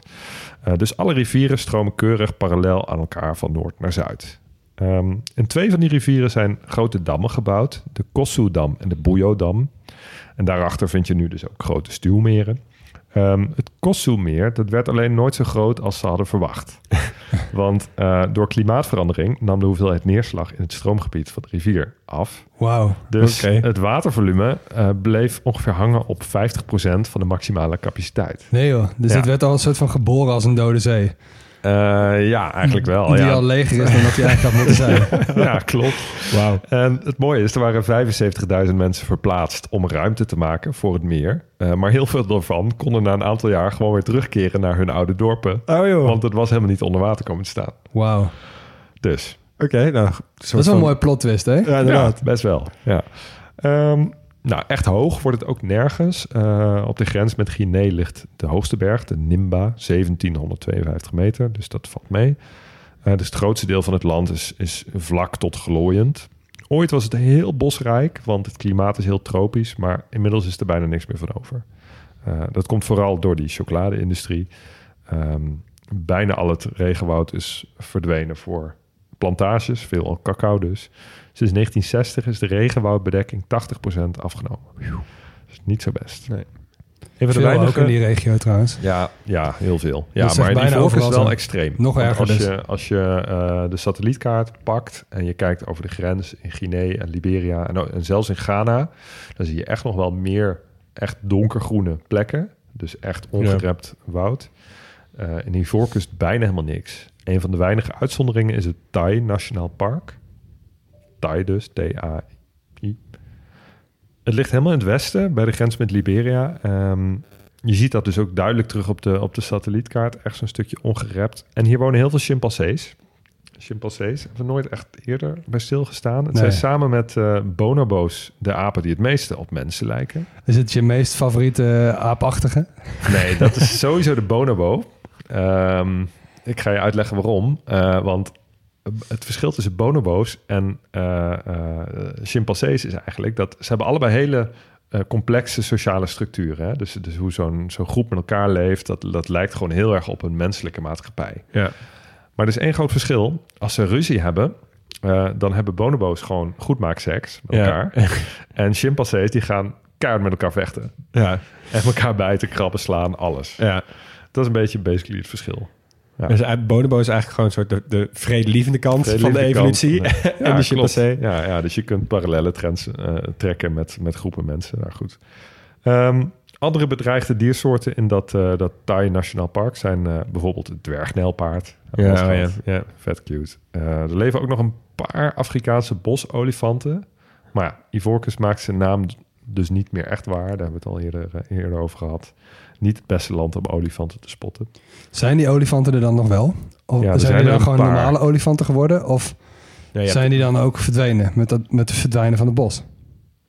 Eh, ja, ik weet niet wat er eerder is verdwenen. Het bos of de olifanten eh, voor, het, voor, het, eh, voor de ivoorhandel. Ja, Ja. oh ja, Het natuurlijk. zal een beetje gelijk op zijn gegaan. Nou, ik denk dat die, dat die olifanten eerder, als het begin 18e eeuw Ja, waren ze bijna allemaal ook. pleit, hè? Ja, Dat is echt ik denk dat ivoor eerder een, eh, een Ja. middel van bestaan was dan cacao. Dat denk ik ook. Ja, dat zeker. Ja. Eh, even nog naar de chimpansees. De beroemdste chimpansee die woont niet in dat Thai Nationaal Park, maar op een eilandje voor de kust. Eh, daar woont namelijk Ponzo, helemaal alleen. Nadat de rest van zijn familie om onverklaarbare redenen is overleden. Eh, staat bekend als de eenzaamste chimpansee in de wereld. Nee. Nee joh. Ja, Oh nee. Ehm, Arme Ponzo. vrijwilligers die doen er wel echt van alles aan om hem in leven te houden. Hij heeft ook een hele bijzondere relatie met als hij weer mensen ziet en zo. En eh, als hij weer eten krijgt. Eh, er worden ook pogingen ondernomen om, om een partner voor hem te vinden. Maar dat, dat lukt nog niet zo. Eh, dus ja.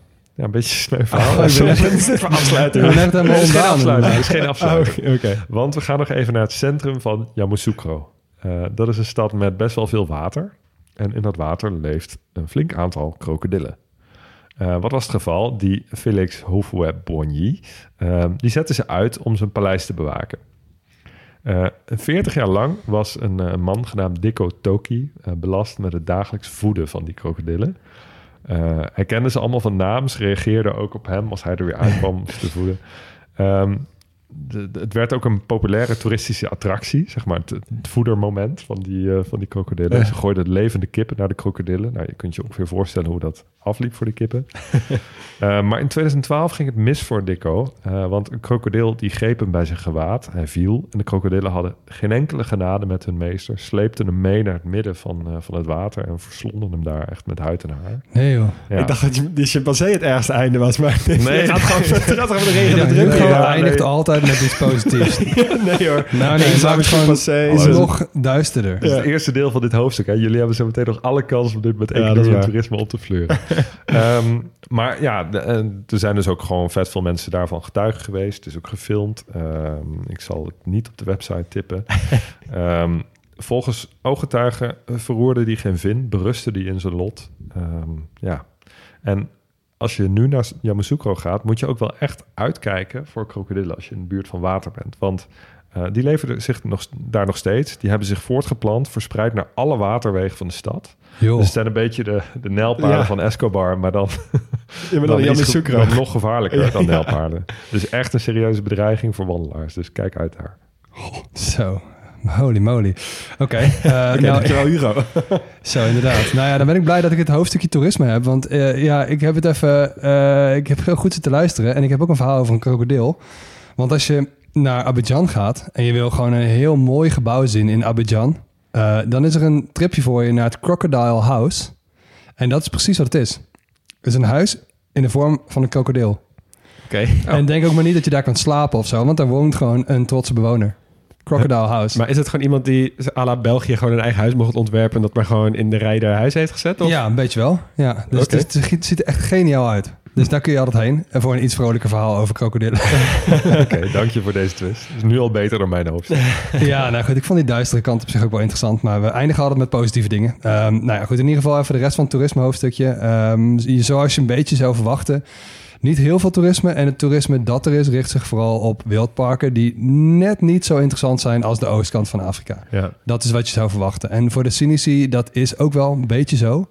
Ehm, er komen gewoon echt een stuk minder toeristen dan in vergelijkbare landen in andere landen in West-Afrika bijvoorbeeld. En al helemaal minder dan in Oost-Afrika. Ehm, maar je kunt wel hele mooie dingen beleven. Over het algemeen is het reisadvies geel. Dus ja, Mag. kun je heen. eh, risico's, maar ja, gewoon zelf weten. En eigenlijk gewoon wel prima. De noordelijke strook is alleen wel rood. Door wat terroristische aanslagen in de Sahel. Hè, de- daar ligt Burkina Faso ook. Dat is niet altijd even gezellig geweest de afgelopen jaren. Dus daar kun je beter nu even niet heen gaan. Eh, dat is wel jammer. Want dan moet je ook de ongekroonde koning van funky plaatsnamen missen. Want, eh, want voor de mensen die Ouagadougou van Burkina Faso al een heel groot feestje vindt... deze mensen zullen ook heel erg genieten van de kleine plaats Ouagadougou in Noord-Ivoorkust. Oh, dan ben ik wel benieuwd wat doekoe betekent. Nou, je hebt er daar wel meer, hè? Al die- hebt er heel veel. Je hebt al die doegoes, Ja. die gooi je er allemaal achteraan. Want je hebt ook Lengedougou Sitioa en je hebt nog Verkese Dougou. Ja. Dus alles is daar gewoon Dougou. Ja, maar ja, dat betekent ook gewoon dorp. Dus ja, dat is toch op, op zich prima. Ja, Dus dat komt er gewoon over achteraan. Maar goed, ik vond de Wango Lodougou wel nog mooier dan Ouagadougou. Dus misschien wie weet heb je nog wel mooier. Mensen gaan vooral even speuren. Er wonen ook 40.000 mensen, dus ook niet zo heel veel te doen. Eh, in het noorden verder heb je nog eh Kong, dat oude rijk. Hè? En daar vind je ook een oude moskee uit 1741.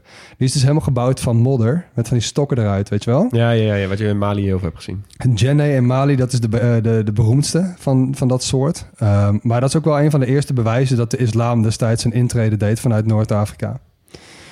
Het is natuurlijk een van de meest biodiverse landen van West-Afrika. Negen nationale parken. Hug, je hebt net ook al een paar genoemd. Dus die zal ik ook niet allemaal weer afgaan. Maar die liggen wel redelijk verspreid over het land, maar wel vooral in het westen. Dus een beetje richting die nog beboste kant, ook bij Liberia en zo. Eh, geschiedenis heb je ook.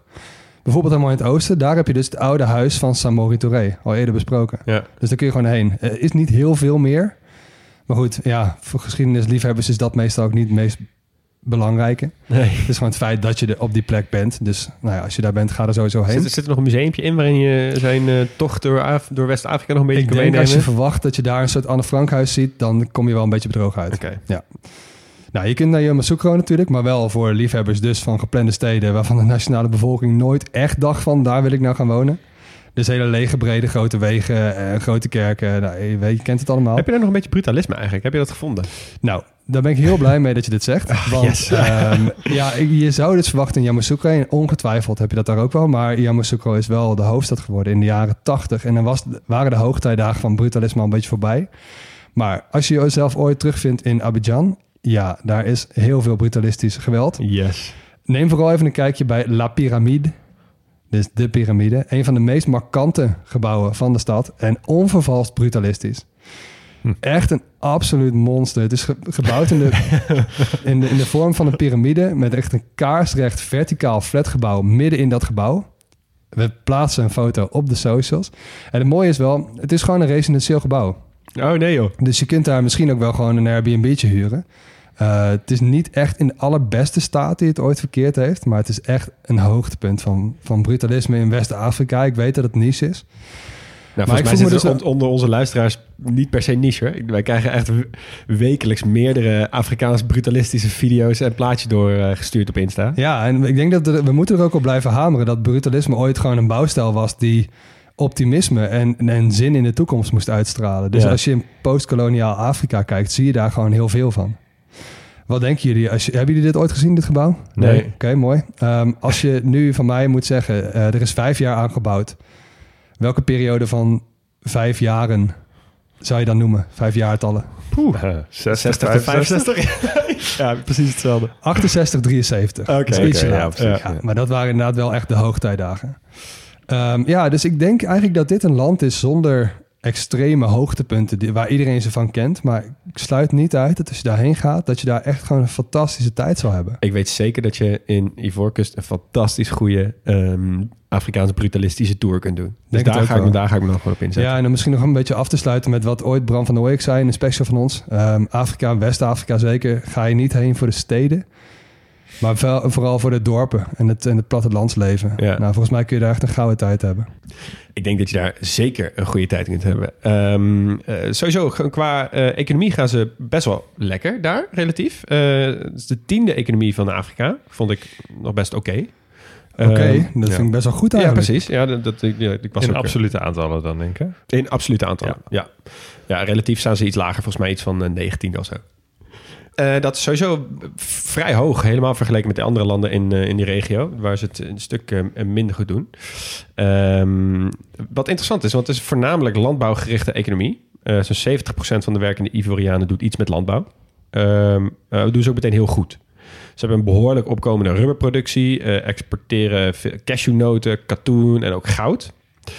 Ze hebben een heel goed infrastructureel netwerk in het binnenland. Dus gewoon intern om eh, shit van A naar B te, te maar ook naar het buitenland. Ja, dat las ik inderdaad ook. Dat wegen daar best wel oké zijn en dat de rest van de infrastructuur gewoon best wel prima in orde Ja, is. ze hebben dat dus heel goed eh, op Hm. orde. Ehm, overigens, wat ze niet exporteren is dus ivoor. Staan niet in de top 25 landen. Dus überhaupt eigenlijk niet in de top zoveel eh, qua ivoor-export. Dus ook daarin wegwezen. Lijkt me ook echt, echt een hele moeilijke markt om te meten waar nou het meest vandaan komt. Want het mag niet. Nee, maar dat is het, eh, ja, je hebt wel van die lijstjes. Dus Ja. en waar, wie het importeert en wie het exporteert en zo. Nou, Ja. China staat er natuurlijk weer heel erg op. Maar ze hebben natuurlijk één enorm groot exportproduct... wat meer dan 50% van hun export is. De roze olifant. Cacao. Cacao. Ja. Ja. dus in bonenvorm, in pastavorm, in melkvorm, whatever. Sterker nog, eh, deze cijfers zijn ook moeilijk hard te maken in veel verschillende bronnen. Tussen de 30 en 45 procent van de wereldproductie alleen komt uit die voorkust. Van cacao. Oh. Ja, dat is echt, echt heel Heel hoog. veel, ja. Dat is echt mokerveel. Ja. Ja. Ehm, En niet zo verbaasd meer geweest sinds eh, Madagaskar 80% van de wereldvoorraad vanille maakte of zo. Nee, maar toch. Precies. En ook alweer logisch. Want het is, het is een best wel een groot land. Het klimaat is perfect voor cacao. Ja. Het is stabieler dan de meeste andere landen in dat rijtje. Nou, gros, de, de- bijna de andere helft, zeg maar, dit komt uit Ghana. Dus die, de, hun Ja. buurland. Dus je hebt echt, bijna alle cacao komt uit die regio. Dus het is aan heel veel mensen, waaronder ik zelf, heel goed dat het daar nog even politiek stabiel is. Maar dat was voor mij een goede reden om even de chocola in te duiken. Ehm, want, eh, hebben jullie enig idee hoe, hoe chocolade uitziet, waar het vandaan komt? Een beetje, zeg maar, de, de, de, de, ja, de, de ketting, zeg maar, van, van boer tot supermarkt? Ehm, ja, wat wil je van me hebben? Ja, ik, ik hoef niet te Eh, quizzen, Nou, maar gewoon zit, heb je een idee? Die, die zeg maar, hoe- grafiek van onwetendheid tot, tot alles weten... zit ik best wel in de... eh, dat ik vertrouwen heb in wat ik, wat ik er zelf van weet. Dus Ja, ik weet er een heel klein beetje van. En Maar, denk oké, daarom hoe ziet de cacaoboon Dus je kan rustig op je bek gaan nu. Eh, een cacaoboon is volgens mij wit... als die ongeroosterd is. Gepeld wel, hè? Ja, Ja. nou, dan zit je aan een heel eind. Max, er zit een... ik zit schaapachtig te kijken. Precies. Een cacaoboon die zit dus in een vet grote soort eh, cacao... Ja, cacaovrucht. Beetje granaatvormig is- achtig ja, ik hou nu mijn Ja. handen op. En het is, mensen, ja, dat is natuurlijk een podcast. dus Mensen hebben niet zoveel aan. Maar zo'n ding kan echt gewoon wel 30, 35, 40 centimeter breed zijn. Het is echt een grote boon. Die hak je dan open. Dat is allemaal eh, mensenwerk, zeg maar, met de machette. En daarin zit een soort wit, pulpachtig, slijmerige substantie. Nou, die slijmerige substantie, die gooi je dus op de grond, eh, op een paar bladeren. Daar doe je een paar bananenbladeren overheen. Die laat je dan een aantal dagen eh, lekker ehm, fermenteren in de zon. Yes, nou, dan haal je dat er vanaf. Eh, dat gebeurt vaak in een boerderij of in het dorp, ergens eh, in, in Ivoorkust vaak dus. Daarna worden ze gedroogd, bij voorkeur dus ook weer in de zon. Dus op zo'n verhogingje, op zo'n tafeltje, weet je wel, in het dorp. ja. Zo'n bedje inderdaad. Daarna worden ze dus uitgespreid op matten en, of op betonnen vloeren. En daarna wordt het dus in de jute zakken vaak opgeslagen. En dan dus op een vrachtwagen op een van die goede wegen richting de, de haven van Abidjan. Wat een van de belangrijkste havens is van West-Afrika. Sterker nog, de tweede belangrijkste haven van Afrika na de haven van Durban. Oh, Oké. En volgens de Ivoriaanse ministerie van Economie en Financiën draagt het verkeer door de haven bij aan 60% van de inkomsten van het land. Yo. Oké. En eh, op dit moment, wat moet ik me erbij voorstellen? Het is een soort bruinig, verschrompeld eh, Boontje. boontje. Ja. Weet je, Er zijn tegenwoordig ook eh, frisdrankmerken die dus eh, die pulp, die sap gebruiken. Oh, Omdat dat echt? een restproduct is wat eigenlijk nooit gebruikt werd. Maar je kunt daar dus best Ja. wel een soort van kokoswaterachtig weeg eh frisdrankje van maken. Oh, dat wist ik niet. Ik heb dat laatst gedronken. En er stond ook op, spoiler, smaakt niet naar chocola. Ja, nee, precies. Ja. En cacao smaakt dus daar ook helemaal niet naar. Maar daar kom ik zo op. Ehm quizje, waar gaat deze cacao voornamelijk heen? We hebben Ja, het al. Nederland. Nederland, inderdaad. Verreweg de grootste verwerker van cacao. Dus echt, de grootste handelspartner van Ivorcus is dus ook Nederland. Hm. Volgens Chill dat ze ongeveer dezelfde kleur voetbalshirts hebben. Ah, ja, precies. Dus dat werkt ook. Nou, tot zover het, eh, het leuke gedeelte van de cacao-industrie. Want we moeten het hebben over de zwarte bladzijde van de cacao-industrie. Want het gemiddelde inkomen van een cacaoboer ligt volgens onderzoek uit 2018 in opdracht van Fairtrade op zo'n 92 dollar cent per dag. Dat ligt echt ver onder de armoedegrens. Eh, tussen de 73 en 90 procent van alle cacaoboeren hebben niet genoeg inkomen om van te leven. Yo. Eh Ivorcus heeft wel een minimumprijs voor cacaobonen ingevoerd. Maar dat is dus voor heel veel boeren niet genoeg om te leven. En wat ze dan dus doen, en dan komen we weer terug op jouw stukje Hugo... is dan gaan ze dus meer cacaoplanten eh, proberen te, te, te planten en te ver- verbouwen. Maar daarvoor moeten ze dus naar beschermd natuurgebied.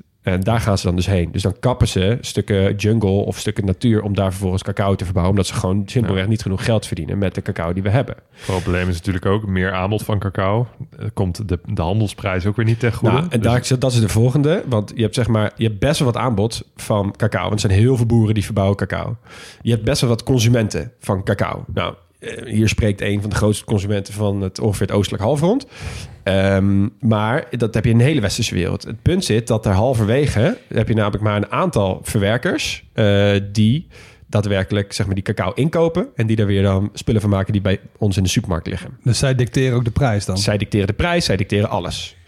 Eh, zij zijn ook wel vaker aangeklaagd, omdat ze dus eh, niet zo heel goed hadden gehandeld rondom eh, mensenrechten, niet zo goed hadden gehandeld rondom Ehm, nou, zij noemden het, ze werden aangeklaagd eh, vanwege kinderarbeid, onder andere. Het waren grote bedrijven die we allemaal kennen, die ik niet ga noemen, want ik wil deze podcast nog langer maken dan vandaag. Maar, Maar ik denk dat ze een kleine weten. tipje van de sluier. Zijn dat dan ook Nederlandse bedrijven? Eh, nee, zit, dat zijn geen Nederlandse bedrijven. Zij- ze zitten vooral in eh, Zwitserland. Oh, oké. Zoek maar op. Ze hebben een rechtszaak aangespannen gekregen. Die hebben ze overigens nou, gewonnen. Hij is geseponeerd, laat ik het zo zeggen. Ehm, want die kinderarbeid, dat is echt een groot probleem ook in de cacao-industrie. Ehm, en ik zag een hele goede video van Last Week Tonight van John Oliver van eh, november 2023. eh, over hoe moeilijk het is om daadwerkelijk Fairchain chocolade te hebben. Ook nog een goede rol voor Tony Chocoloni trouwens. Ehm, maar daar laten ze heel goed zien hoe moeilijk dit is. Om, ook omdat die kinderarbeid gewoon echt lastig is. Want ja, de kinderen willen daar gewoon werken om geld te verdienen voor hun gezin. Dus op een gegeven moment is één fragment in die, in die eh, scène. Er zitten gewoon vijf gasten naast elkaar. En één zo'n gast is met die, met die, met die ehm, presentator aan het praten. En die presentator vraagt... Hoe oud is iedereen hier? En dan zegt die vent, ja, iedereen is tussen de 21 en 25. En dan zegt hij, ook dat kleine ventje wat daar naast je zit... En dan vragen ze aan hem in zijn lokale taal... Hey, hoe oud ben je? En dan zie je al die gasten om hem heen. Zeg dat je 21 bent. Zeg dat je 21 bent. Ja, En dan hoor je zo... Ik ben wel 21. dat je echt denkt... Ja, nee, zo werkt het natuurlijk niet. Maar goed, eh, een van de allerbizarste dingen hiervan vond ik dus ook dat ehm, VPRO is met Metropolis, echt een geweldig programma wat we helaas niet meer hebben. In 2014 zijn ze met een Ivoriaanse cacaoboer eh, in gesprek gegaan om hem chocola te laten proeven. En hij werkte al zijn hele leven lang in de cacao-industrie, maar had nog nooit chocola geproefd. Ja. En daarvoor ga ik jullie even een heel klein stukje laten horen. Het is in het Frans, maar je kan denk ik aan zijn manier van reageren... kan je wel horen eh, ja, wat, hij, wat, hij, wat hij daarvan vindt. Non, prenez, c'est pour vous, allez-y. C'est doux. Oh, doux là. Vous aimez C'est vraiment intéressant. Hum, la cacao là, ça, ça bon truc. Ah bon On mange. Vous aimez ça Vraiment, vraiment aimé. Ja, hij zegt hier dus eigenlijk... wow, ik wist eigenlijk helemaal niet dat cacao zo lekker kon zijn. Ja, echt ongelooflijk. Ja, bizar. Maar goed. Ehm, precies daarom ben ik blij met bedrijven zoals zo'n Tony Chocoloni. Eh, niet gesponsord overigens, maar wel omdat zij echt wel werken aan die open fair chain chocola. En Ze zeggen zelf ook heel terecht...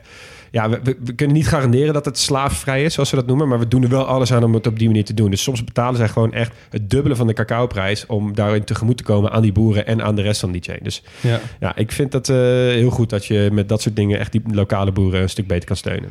Mogen we er nog even een kroegfeitje in gooien? Jouw Zeker. favoriete kroegfeitje? Ja, oh ja, volgende keer als je een Tony's reep openmaakt, maak hem even voor de grap helemaal open. En dan kun je zien dat ehm, de reep zelf is een gedeelte van de, van de wereldkaart. Eh, is een gedeelte van de kaart van Afrika. Namelijk precies die golf, die baai van Guinea. En je kan dus heel Ivoorkust zien liggen op een reep Tony's.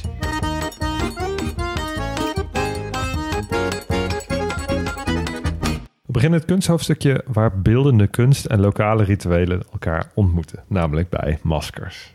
Eh, in heel Afrika worden maskers gemaakt, eh, maar Ivoorkust hoort toch wel tot de eredivisie van de maskerdragende landen. Ehm, vooral in de regio Man in het westen van Ivoorkust, daar wordt ook jaarlijks het Fête des Masques gehouden, het festival van de maskers. Een heel groot festival, dorpen nemen elkaar op ehm, tegen elkaar om te kijken wie de beste maskers maakt en wie de mooiste dansen daarmee uitvoert. Want dansen, dat is wel een van hun andere specialiteiten. Eh, even de heupjes los dus. Of nou ja, eigenlijk vooral de voetjes los. Want de lijpse dans waar ik op stuitte, Zaouli, doe je vooral met je voeten. Het bovenlichaam hou je eigenlijk helemaal stil, blijft bewegingsloos. Maar de voeten doen allemaal lijpe shuffles met hele snelle voetbewegingen. Nou, Een soort dan- Ierse dans? Of een soort tapdansen? Nee, nee, nee, nee. Het is echt... Nee, het is... Nee. Nothing compares, zeg maar. Ehm, je doet het in een kleurrijk gewaad, natuurlijk met masker. En ook vaak van die, van die linten aan je benen, zodat, zodat dat allemaal meebeweegt Ja, op de ja. ritmes die je uitvoert. Eh, ja, ik zal een, een videootje tippen op de website. Meer kan ik op dit moment echt niet voor jullie doen. Dat is echt nadeel altijd van de podcast inderdaad. Ja. maar Ja. geloof me, dit is echt de moeite waard om even terug te kijken. ja. Ehm, als we kijken naar de populaire cultuur in Ivoorkust, dan zien we eh, dat een genre als reggae het hier heel goed doet. Ehm, en de bekendste Ivoriaanse artiest, die maakt ook reggae. En dat is natuurlijk Alpha Blondie. Oh, Dat is een Ivoriaan. jeetje. Eh, super populair geworden in het Westen. Dit is echt een gast met, met tientallen miljoenen views op YouTube, zeg maar. Voor Afrikaanse artiesten is dat echt ongekend veel. Dan gaan we even luisteren naar een van zijn bekendste nummers, Jerusalem.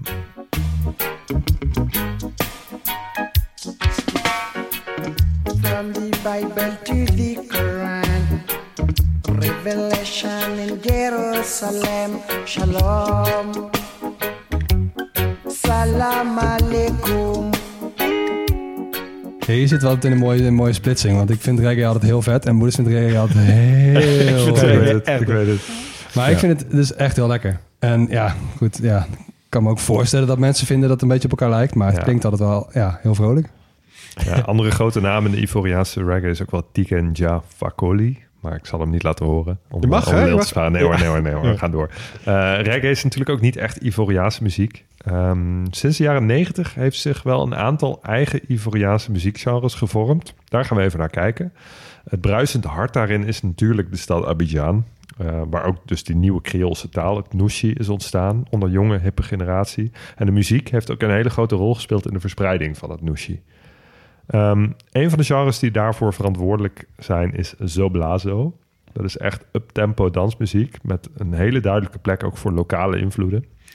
Eh, de artiest My Way, M-E-I Way, eh pionierde dit genre en we gaan even luisteren naar zijn eh, nummer 200% Zoblazo.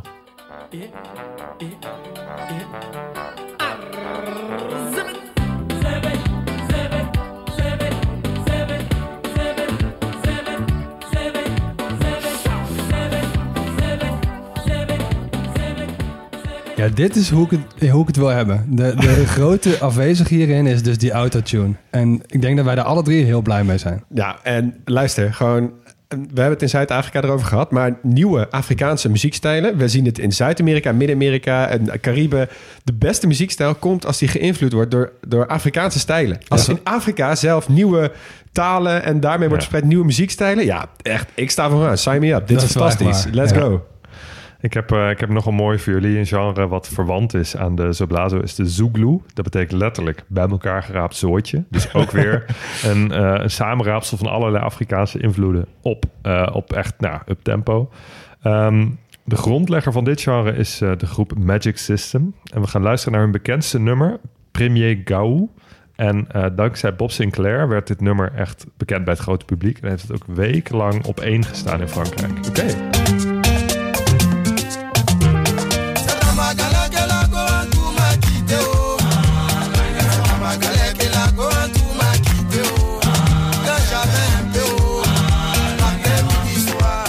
Eh, nou, Zouglou evolueerde in de jaren nul tot het bekendste genre van de hedendaagse Ivoriaanse muziek, eh, namelijk coupé décalé. En dat betekent letterlijk iemand besodemieteren en wegrennen.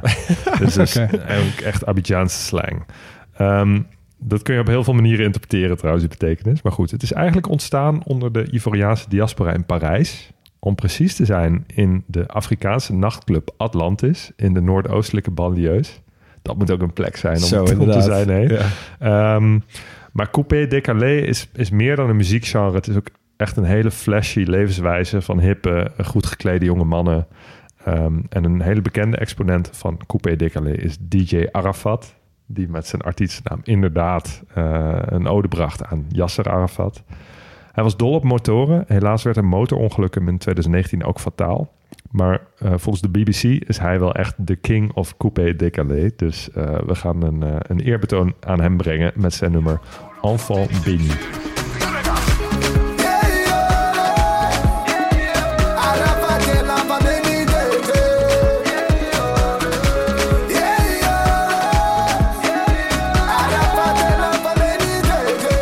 Bangers in de club toch? Aan het eind van de avond.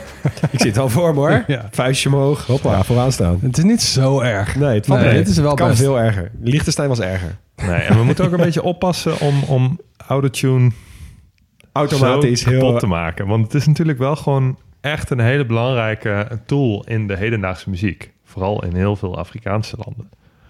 En eh, ja, like it or not. Maar je kan het ook zien als een soort muziekinstrument. Dat kan, maar Ja. dan vind ik dat alsnog geen Of leuk een- instrument. Nee, ja, dat mag natuurlijk. Dat is oké. maar Maar, deze ja. inderdaad valt mee. Het kan even Ja. veel erger. Eens. Nog één mooi verhaal mee af te sluiten. Eh, Michael Jackson kwam er door DNA-onderzoek achter dat hij waarschijnlijk Ivoriaanse voorouderen had. Dus bezocht hij in 1992 de stam waar hij aan verwant zou zijn. Eh, die kroonde hem vervolgens tot koning en dat bleef hij tot zijn dood. Eh, toen die stierf in 2009, toen voerde de stam ook hele uitgebreide uitvaartrituelen uit voor hem. En ze vroegen de familie van Jackson zelfs om zijn lichaam, zodat ze hem een koninklijke begrafenis konden Hey, geven in Yo. Ivoorkust. Maar zover kwam het niet. Oh, eens. Eh, de keuken dan. Ehm, ja, Afrikaanse keuken, jullie weten, daar ben ik nooit zo groot eh, fan van in verschillende landen. Want het is vaak een beetje hetzelfde. Ook hier weer over het algemeen wat je veel ziet in West-Afrika. Dus dan heb ik het over Fufu. fufu, juist. En fufu is? Ugali. Nee, nee, en brei, eh, gestampt. Eerst koken tot een soort van pap die je kunt opscheppen en waarmee je eten kunt eten. Ja, precies. Dus inderdaad, bakbanaan zit er ook nog wel vaak bij. Hier Ja. in ieder geval. Eh, daar doe je dan inderdaad een soort rode saus overheen. In dit geval eh, de sauce graine. Dat is een rode saus bereid uit het vruchtvlees van de oliepalmvrucht. Het ziet er wel lekker uit trouwens. Een beetje als een Indiaanse curry. Een beetje vettig, zeg Mm. maar. nou, eh, bak, bakbananen frituren ze. Eh, dat heet dan aloko. Eh het is gewoon een snack. Dat vind je blijkbaar overal op straat. In Abidjan blijkbaar kan je dat gewoon eh, snacken. Eh, die cassave overigens kun je vermalen. En daar kun je attiqué van maken. Dat is wel echt heel uniek in die regio. Een soort couscous-achtige situatie. Dat eten ze vaak bij kejenou. Ehm, ook wel bekend als kejenou de poulet. Een pittige stoofpot die langzaam wordt gekookt in een afgesloten canari. En de canari is niet de vogel, maar een soort terracotta pot. Boven vuur of kolen. En dan werkt het als een soort tagine.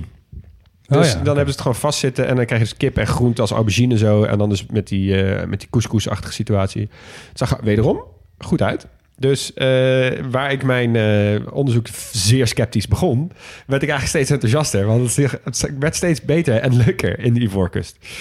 Ehm, Zo kunnen dit soort dingen altijd gaan, toch? Vind ik altijd lekker. Dat je Ja. ergens begint en ik van, oh Ah, mijn kut, ik heb hemel. keuken in die voorkeur. Wanneer en ben dan ik lijkt klaar? het best wel lekker. Ja, Ja. want ze hebben gebruiken ook heel veel pinda's. Ook natuurlijk wel, gebeurt al vaker in die regio. Maar ik ben daar ook persoonlijk wel groot fan van. Eh, ze hebben bijvoorbeeld een sauce de arachide. Dus pinda's, water, hete chilipepers, tomaten, knoflook en uien. Eh, en wordt gebruikt als verdikkende saus in kipgerechten. En die kun je dan weer eten met jollof rijst. Ja, ik wil wel zeggen, ze zijn nog een beetje lekker in de Jollof game, of Ja, niet? zij zitten een beetje lekker in de jollof game. Maar ze delven wel echt zwaar het onderspit natuurlijk. Ten Ja. opzichte van, eh, van eh, Senegal, Nigeria. Beetje- die groep zeg maar. Ze Ja, zitten een Een beetje tussen... zoals carnaval in Nijmegen. Ja, goede vergelijking. Ja, Oké. nee, dat is het inderdaad. Ehm Jollof heet trouwens in deze regionen heet het meer riz au gras of riz gras. Eh Franstalig natuurlijk, dus krijg je dat soort dingen. Eh, streetfood die ze hier eten is vooral chukuya. Gemarineerd geroosterd vlees met uien en tomaten. Eh, vind, zag je ook veel terug bij de menukaart bij de wat nieuwere restaurants in Abidjan. Dus het is ook weer iets wat gecultiveerd wordt tot een soort... eh, net als dat je, weet ik veel, in het duurste restaurant in Nederland tegenwoordig een soort gekke hamburgertjes vindt. Ja. Ehm, qua drinken hebben ze nog wat specialistische drankjes, zoals een namakuji, dat is gemberwater. En dat is een van de populairste eh, dranken in eh Ivoorkust. Is gewoon gemberwortelsuiker en extreem geconcentreerd, waardoor het best wel pittig is. Oh, Jij, ja. jij, jij hebt wel eens een goede gember, eh, gember, gember biertje gedronken, toch? Ja, mijn, mijn ginger beer merken die ik het meest warm, warmste hart toedraag, dat zijn de spicyste versies. Nou, en precies. de minst zoete. Ja, nou, dan moet je inderdaad gewoon gaan praten met alle mensen uit bijvoorbeeld Suriname, want die zijn er ook behoorlijk goed in. Ja. Als je tijdens uh, Kitty Kotti ooit een keer in eh, Amsterdam bent, in het Oosterpark of zo, koop even zo'n dingetje. Want je- het is gewoon 50% suiker, 50% gember. maar fucking lekker, dus dat is echt goud. Ehm, wat je ook veel drinkt daar is baobabsap. Dat is van de baobabboom. Tamarindesap en heel veel andere soorten fruitsapjes, passievruchten, zo, dat soort dingen. Maar goed, mijn, mijn conclusie eigenlijk van de keuken van Ivoorkust was dat ze heel erg houden van om van alles en nog wat uit te zuigen. dus met name dierenkoppen. Dieren. Ze houden echt van het uitzuigen van dieren. Ik zag het bij geiten, ik zag het bij, bij vissen, bij kippen.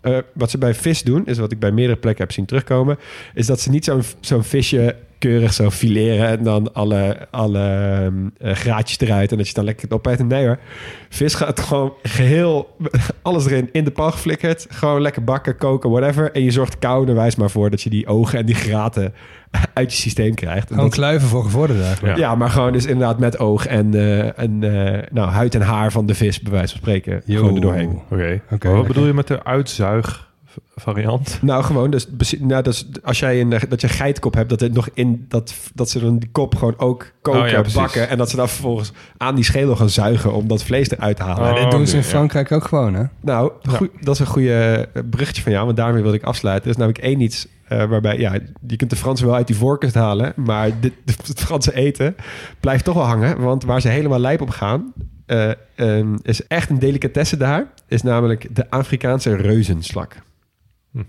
Dat beest, als die leeft, is net zo groot als je handpalm, als in de, de schelp van het beest.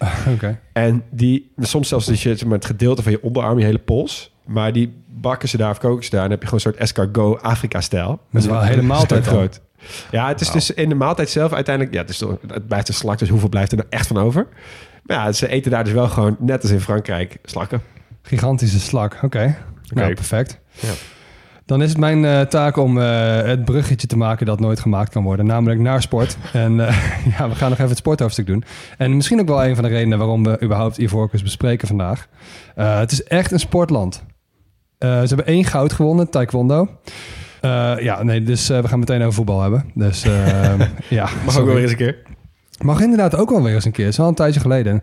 Ik, het verbaasde me eigenlijk dat het nationale team, hè, de Les Elephants, nooit verder is gekomen dan een groepsfase op het WK. Ja. Want ze hadden dat echt Hmm. epische spelers. Dus even shout-out naar het enige andere land ook dat in oranje shirt speelt. En wat spelers daarvan. Gruwelijke spelers zijn dus bijvoorbeeld Salomon Kalou, Bonaventure Kalou, zijn broer. Colo en Yaya Touré, weer twee broers. DJ Drogba. Frank Kessier speelt nog steeds. Sebastian Aller, die ook bij Ajax zat. Ja. Ja. En Ibrahim Sangaré, die dus weer bij PSV zat. Ja, Ja. Het zijn- ook wel echt Ja. namen hoor. en dan wel, wel ook bovengemiddeld veel aanvallers. Ja, Eh, Kunnen ja, natuurlijk niet allemaal tegelijk, maar ja. ja. maar goed, wel altijd een, een team om rekening mee te houden. En ik wil heel even wat langer stilstaan bij DJ Drogba. Want dat is natuurlijk echt de absolute held van Ivoorkust. En misschien ook wel een van de beste Afrikaanse voetballers ooit. hun kruif. Eh, misschien wel. Ja. Ja. hij was, hij was zo'n complete aanvaller. En, maar goed, er zijn een hele goede voetbalpodcasts gemaakt over hem. Eh, Studio Socrates bijvoorbeeld heeft een hele aflevering over hem gemaakt. Dus luister die ook even terug. Dus ik ga nog even terug naar een klein beetje politiek. Want daar zitten we toch ook een beetje voor hier. Eh, DJ Drogba werd geboren in 1978 en zijn ouders gaven hem de bijnaam Tito. Als ja, in- na Jozip. Ja? En stel je even voor hoe moeilijk het is om voor zo'n Ivoriaans jong uit te groeien tot een van de grootste voetballers van zijn tijd. En dan heb je natuurlijk wel wat invloed als dat gebeurt. En men zegt ook wel, hij was betrouwbaarder dan de politici in eigen land in die tijd. Ehm Ivorcus zelf zat sinds 2005 al iets van drie jaar in burgeroorlog. En hij had zich al die tijd afzijdig gehouden. Maar ze wonnen een wedstrijd tegen Sudan met nationale elftal. En toen was voor hem de maat vol. Dus wat deed hij? Na de wedstrijd, hij riep de Ivoriaanse pers erbij en hij riep ze allemaal naar de kleedkamer. En zijn ploeggenoten stonden allemaal op een rij. Dus christenen, moslims, dus heel veel bevolkingsgroepen die allemaal samen in zo'n elftal terechtkomen. En hij zei, een beetje vrij vertaald en iets korter, lieve landgenoten, zoals jullie zien kunnen wij, Ivorianen uit Noord en Zuid, West, Midden en Oost, met elkaar leven. En één voor één begonnen die medespelers dus te knielen op één knie. En Drogba ging verder.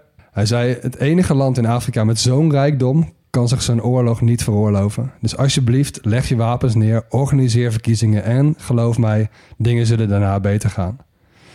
En wat gebeurde nou? Weken daarna werd het dus rustiger in het land. Nee. Meteen al vanaf zijn toespraak tot aan een maand ongeveer. En dat filmpje was dus opgenomen door die Ivoriaanse pers. Werd overal gedraaid in het land. Dus hij heeft er eigenhandig voor gezorgd dat een maand lang dat er bijna geen- niet gevochten werd in het land. Oké. Vet lijp. Ja. Hm. Maar daarna ging weer oorlog helaas wel. Daarna wel, ging de eh, oorlog dan wel weer verder. Ehm, in 2007 werd hij ook Afrikaans voetballer van het jaar. En daar vloog dus naar huis. Ging dus naar die Laurent Gbagbo. Dus president slash dictator. Eh, en hij vroeg aan hem of de komende thuiswedstrijd van die Ivoorkust misschien kon plaatsvinden in Bouaké. En dat was het hoofdkwartier van de rebellen en de vijanden van de president. Wow. Maar hij was zo populair. Dus die president die heeft daar gewoon mee ingestemd. Dus hij heeft wel Ik echt... wist helemaal niet dat hij zo politiek betrokken was, Hij heeft joh. echt zo'n verbindende rol Ja, gespeeld ja, in het streepje land. voor. Ja. En hij heeft gewoon heel goed zijn momenten gekozen. Dus echt een grote man. Maar goed, Lekker DJ. We maken deze aflevering natuurlijk niet voor niks. Want Ivoorkust is nu het gastland van de Afrika Cup. We hebben best ook wel grote kans in het toernooi. Nou ja, nogmaals, we zijn geen voetbalpodcast, maar die mag je wel even hebben. Ehm, eigenlijk zou het toernooi al een half jaar geleden gehouden worden. Maar dat is midden in hun regenseizoen. Dus dat is niet zo'n mooi aanzichtkaartje. Dus ze hebben het nu gedaan. En ja, is het dan echt nodig om nog een keer een Afrika Cup ode te brengen? Eh, ja, ik vind van wel. Want het is ook echt in een tijd dat, dat het laatste EK voor ons in alle dolheid echt in heel fucking Europa werd gespeeld. Weet je wel, zonder een vast gastland. En dat doet Ivoorkust dus nu heel goed. Dus ik ben heel blij dat we weer gewoon de Afrika Cup hebben om nu vol van te genieten. En ik vind het altijd zo'n uitbarsting van totale volksvreugde. Zeker in de landen zelf. Dus minder soms op de tribune. Maar vooral als je filmpjes ziet van de landen zelf die kijken. Eh, het wordt steeds professioneler, maar nog niet helemaal kapot gecommuniceerd. Het is lekker om de twee jaar. Ja. Ehm, en het begint altijd met van die heerlijke krakers van landen die je nooit ziet spelen normaal. Maar waarin je dus leert dat bijvoorbeeld Madagaskar krankzinnig lange achternamen heeft. Ja. Ehm, dat er in Zimbabwe allemaal gasten spelen met heerlijke namen. Als Knowledge Musona, Teenage Hadebe en Admiral Muskwe. en ik vind het altijd zo mooi om naar die tribunes te kijken, weet je wel. Waar je in Nederland of in, in Europa heb je al... Ja, het is ook wel een beetje volksfeest met zo'n groot toernooi. Maar mensen zitten daar naast elkaar een beetje biertje te drinken en zo. En het lijkt alsof het echte toernooi in, in de Afrika Cup soms ook wel gewoon op de tribunes plaatsvindt. Weet je, met iedereen uitgedost in de wildste outfits, allemaal dansen. En het lijkt veel minder rivaliteit te zijn en veel meer een soort van pan-Afrikaans feestje. Ben ik altijd heel blij mee. Ik ook. Ja. Ik Kijken ook. jullie nog? Ja, ik, Jullie ik- zijn er niet zo heel fanatiek? Ja, ik kom er gewoon onvoldoende aan toe. Ja, Maar ik, ik, eh, als ik één... Ja, het zijn wel een van de eerste dingen waar ik tijd voor vrij zou maken... als ik meer televisie zou gaan kijken. en als je uitzoomt naar het toernooi zelf, ook al kijk je niet Ja. superveel, wat, wat vinden jullie van het toernooi zelf? Ja, ik ben dus heel blij met het toernooi. Want je ziet dus, eh, als je wedstrijden kijkt, het is gewoon onvervalst voetbal. Het is niet meer in eh, EK's en WK's zijn net iets te veel nog aan het leunen op regeltjes. Een beetje zwalbes vallen, zeuren bij de scheidsrechter. een beetje mekkeren, een beetje dat ster, sterallure gedrag, een beetje kutventjes uithangen.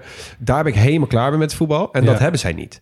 Zeg maar, natuurlijk zijn er de, de, de, de tackles op eh, schouderhoogte. En natuurlijk eh, vliegen gasten soms in op een manier dat je denkt... maat, het is voetbal, hè? geen taekwondo. Maar daar hoort wel bij dat op het moment dat je wordt geraakt... en je valt en je staat gewoon weer op, je gaat gewoon weer door. Weet je? je bent echt aan het Ja. strijden voor je land... in plaats van dat je probeert te mekkeren en een puntje probeert te scoren ergens. Ja. Ja. Ja, wat ik mooi vind, inderdaad, je zei het al, dat je landen aan het werk ziet die je anders nooit aan het werk ziet. Want op een, op een WK doen gewoon structureel altijd veel te weinig Afrikaanse teams mee. En het zijn altijd de usual suspects. En er worden wel meer, hè, trouwens, binnenkort.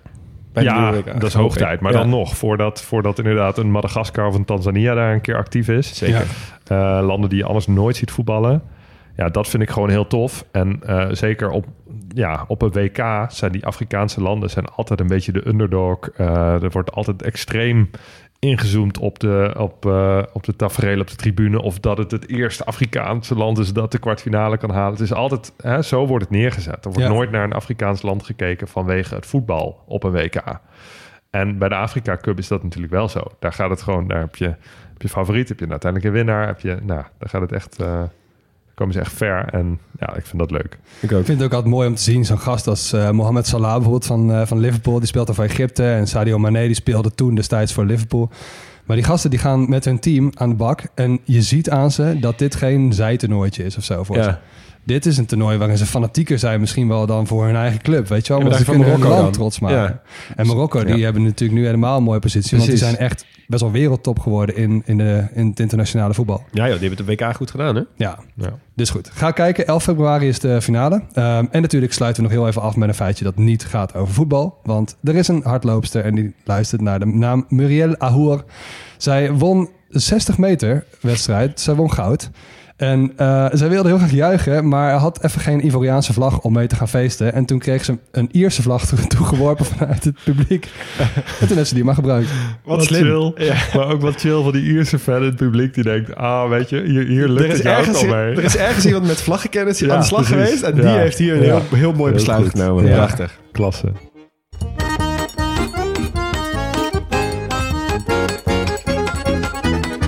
Slotvraag. Wat maakt het land uniek? Nou, sowieso de hele combinatie van ehm cacao-productie, eh, weinig slavenhandel gekend vanwege geen natuurlijke havens. Hè? Moet je nagaan dat je Ja. dus Ja. door de geografie hebben zij dus relatief weinig slavenhandel gekend. Ja. Eh, relatief weinig ook daardoor dus ehm, belast geweest onder eh, kolonialisme. Terwijl ze eigenlijk perfect, of imperfect ligt een beetje Ja. aan welke kant je bekijkt, in die regio liggen daarvoor. Dus door de geschiedenis redelijk, eh, of Ja. door de geografie eigenlijk in de geschiedenis redelijk, eh, redelijk Ja. eh, onbeschadigd eruit gekomen. Sowieso in wat meer opzichten best wel een atypische koloniale geschiedenis. Ja. Met die, die Fransen die zich daar kwamen vestigen als boer. Maar tegelijkertijd het feit dat dus de meerderheid van het land al voor de onafhankelijkheid in handen was van de Afrikaanse boeren. Dus dat er als het ware al voorgesorteerd is op onafhankelijkheid. Ik vraag me ook af, In hoeverre heeft dat ervoor gezorgd dat Ivoorkust daarna een van de meest welvarende landen van West-Afrika is geworden? Ja, wellicht Ja. dat ze het wel zelf wisten om te doen, zeg maar. In, in combinatie met de eerste president, die dus inderdaad niet zei... Ja. we gaan het allemaal zelf doen, we verbreken alle banden... en Ja. het land in totale chaos staat. Maar ook begreep, oh, er zit een soort periode van overbrugging in... die toch wel met z'n allen door moeten komen. Ja, die misschien juist ook wel weer gevormd werd, omdat hij dus ook die boerenorganisatie had gestart. En Ja. dat, dat, ja, die dingen die leiden natuurlijk wel tot elkaar. Ja. Dus dat vind ik wel een mooi. Ik vind het ook wel fijn dat we een land hebben kunnen inkleuren dat ik eigenlijk vooral van, vanwege het voetbalelftal kende. Ehm, en ja, hey, grootste kerk ter wereld, man. Ja, Ja, hallo. dat is- ja. Zeker. Ga je Ja. daar ook heen? Als je die Ehm, één dag naar... eh, Ik twijfel heel erg.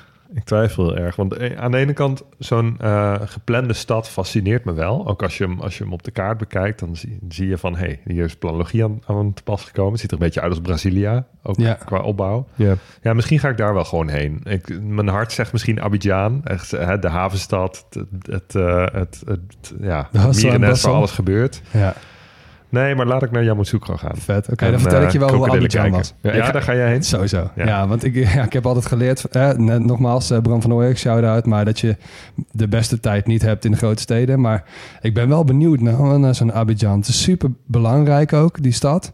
En ik moet gewoon die piramide zien.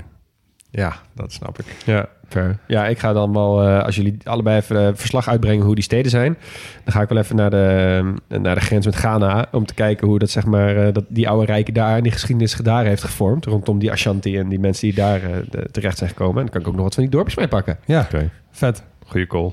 Bedankt voor het luisteren naar dit hoofdstuk van de Grote Podcastlas. Je hoorde Leon Boelens, Max Gerrits en Hugo Noordman vanuit de Huiskamerstudio in Utrecht. En Jonas van Impen, die doet de eindmontage. Nooit volledig, wel origineel, geen experts en wel liefhebbers. Je moet ons even volgen op de, op de Twitter en de Instagram, als je dat nog niet doet. Het Grote Podcastlas. Daar plaatsen we allemaal leuke dingen. Net als op de website grotepodcastlas.nl.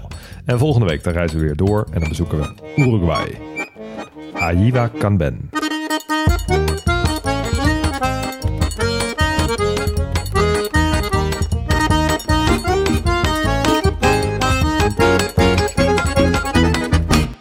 Luisteraar. Luister je nog steeds? Klasse, man. Je hebt er gewoon helemaal afgeluisterd. Nou, nu je tot hier bent gekomen, koop dan ook gelijk even ons boek, hè. grotepodcastlas.nl slash boek. Doei!